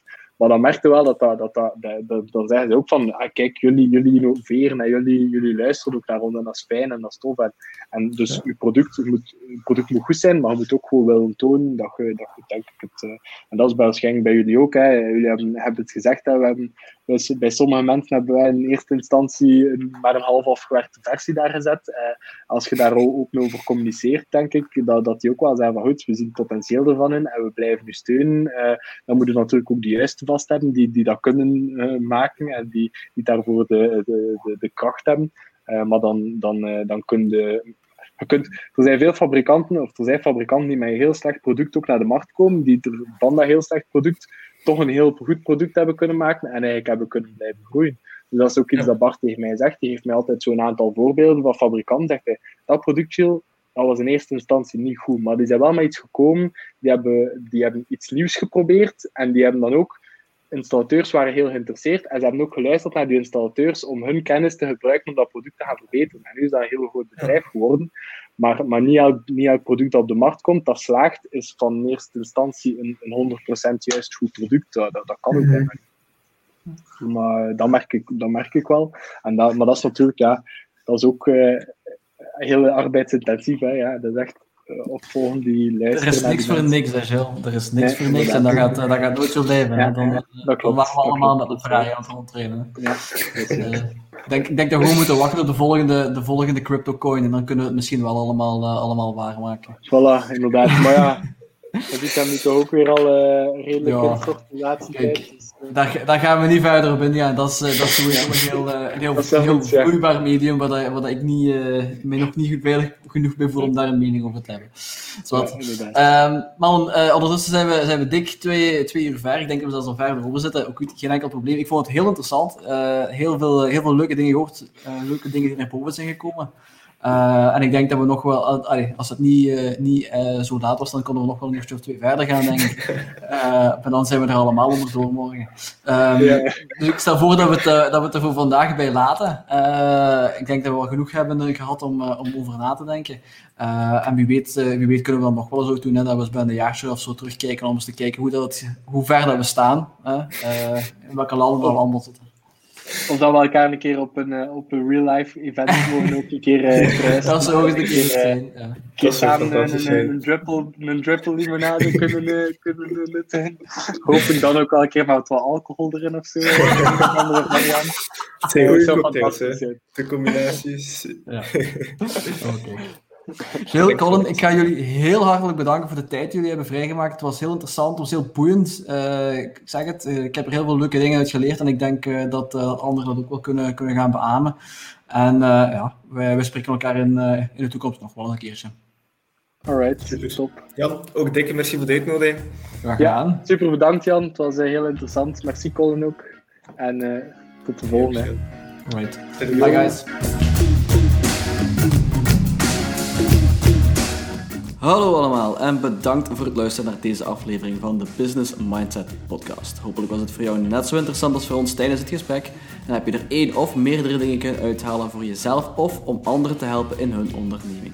Voor meer informatie over mijzelf, de gasten of tools, boeken of concepten die we besproken hebben tijdens de podcast, kan je altijd terecht in de omschrijving van deze aflevering. Heb je genoten van de podcast? Vergeet dan zeker niet om het te delen op social media. Dit helpt ons enorm om te groeien en om een groter publiek te bereiken. En hoe sneller we groeien, des te meer tijd we kunnen vrijmaken voor interessante gesprekken waar we zowel zelf als jullie iets kunnen bijleren. Heb je verder vragen of heb je feedback over wat we besproken hebben tijdens de aflevering? Of tips of verzoeken over onderwerpen die we kunnen behandelen? Of wil je iemand aanraden als gast tijdens de podcast? Laat het dan ook zeker weten. In de omschrijving van deze aflevering vind je een link naar alle social media accounts van de podcast. En daar kan je ons altijd op bereiken. Volg ons zeker ook op social media, dan blijf je altijd op de hoogte van de nieuwste ontwikkelingen en van de volgende afleveringen. Thanks again en tot de volgende keer.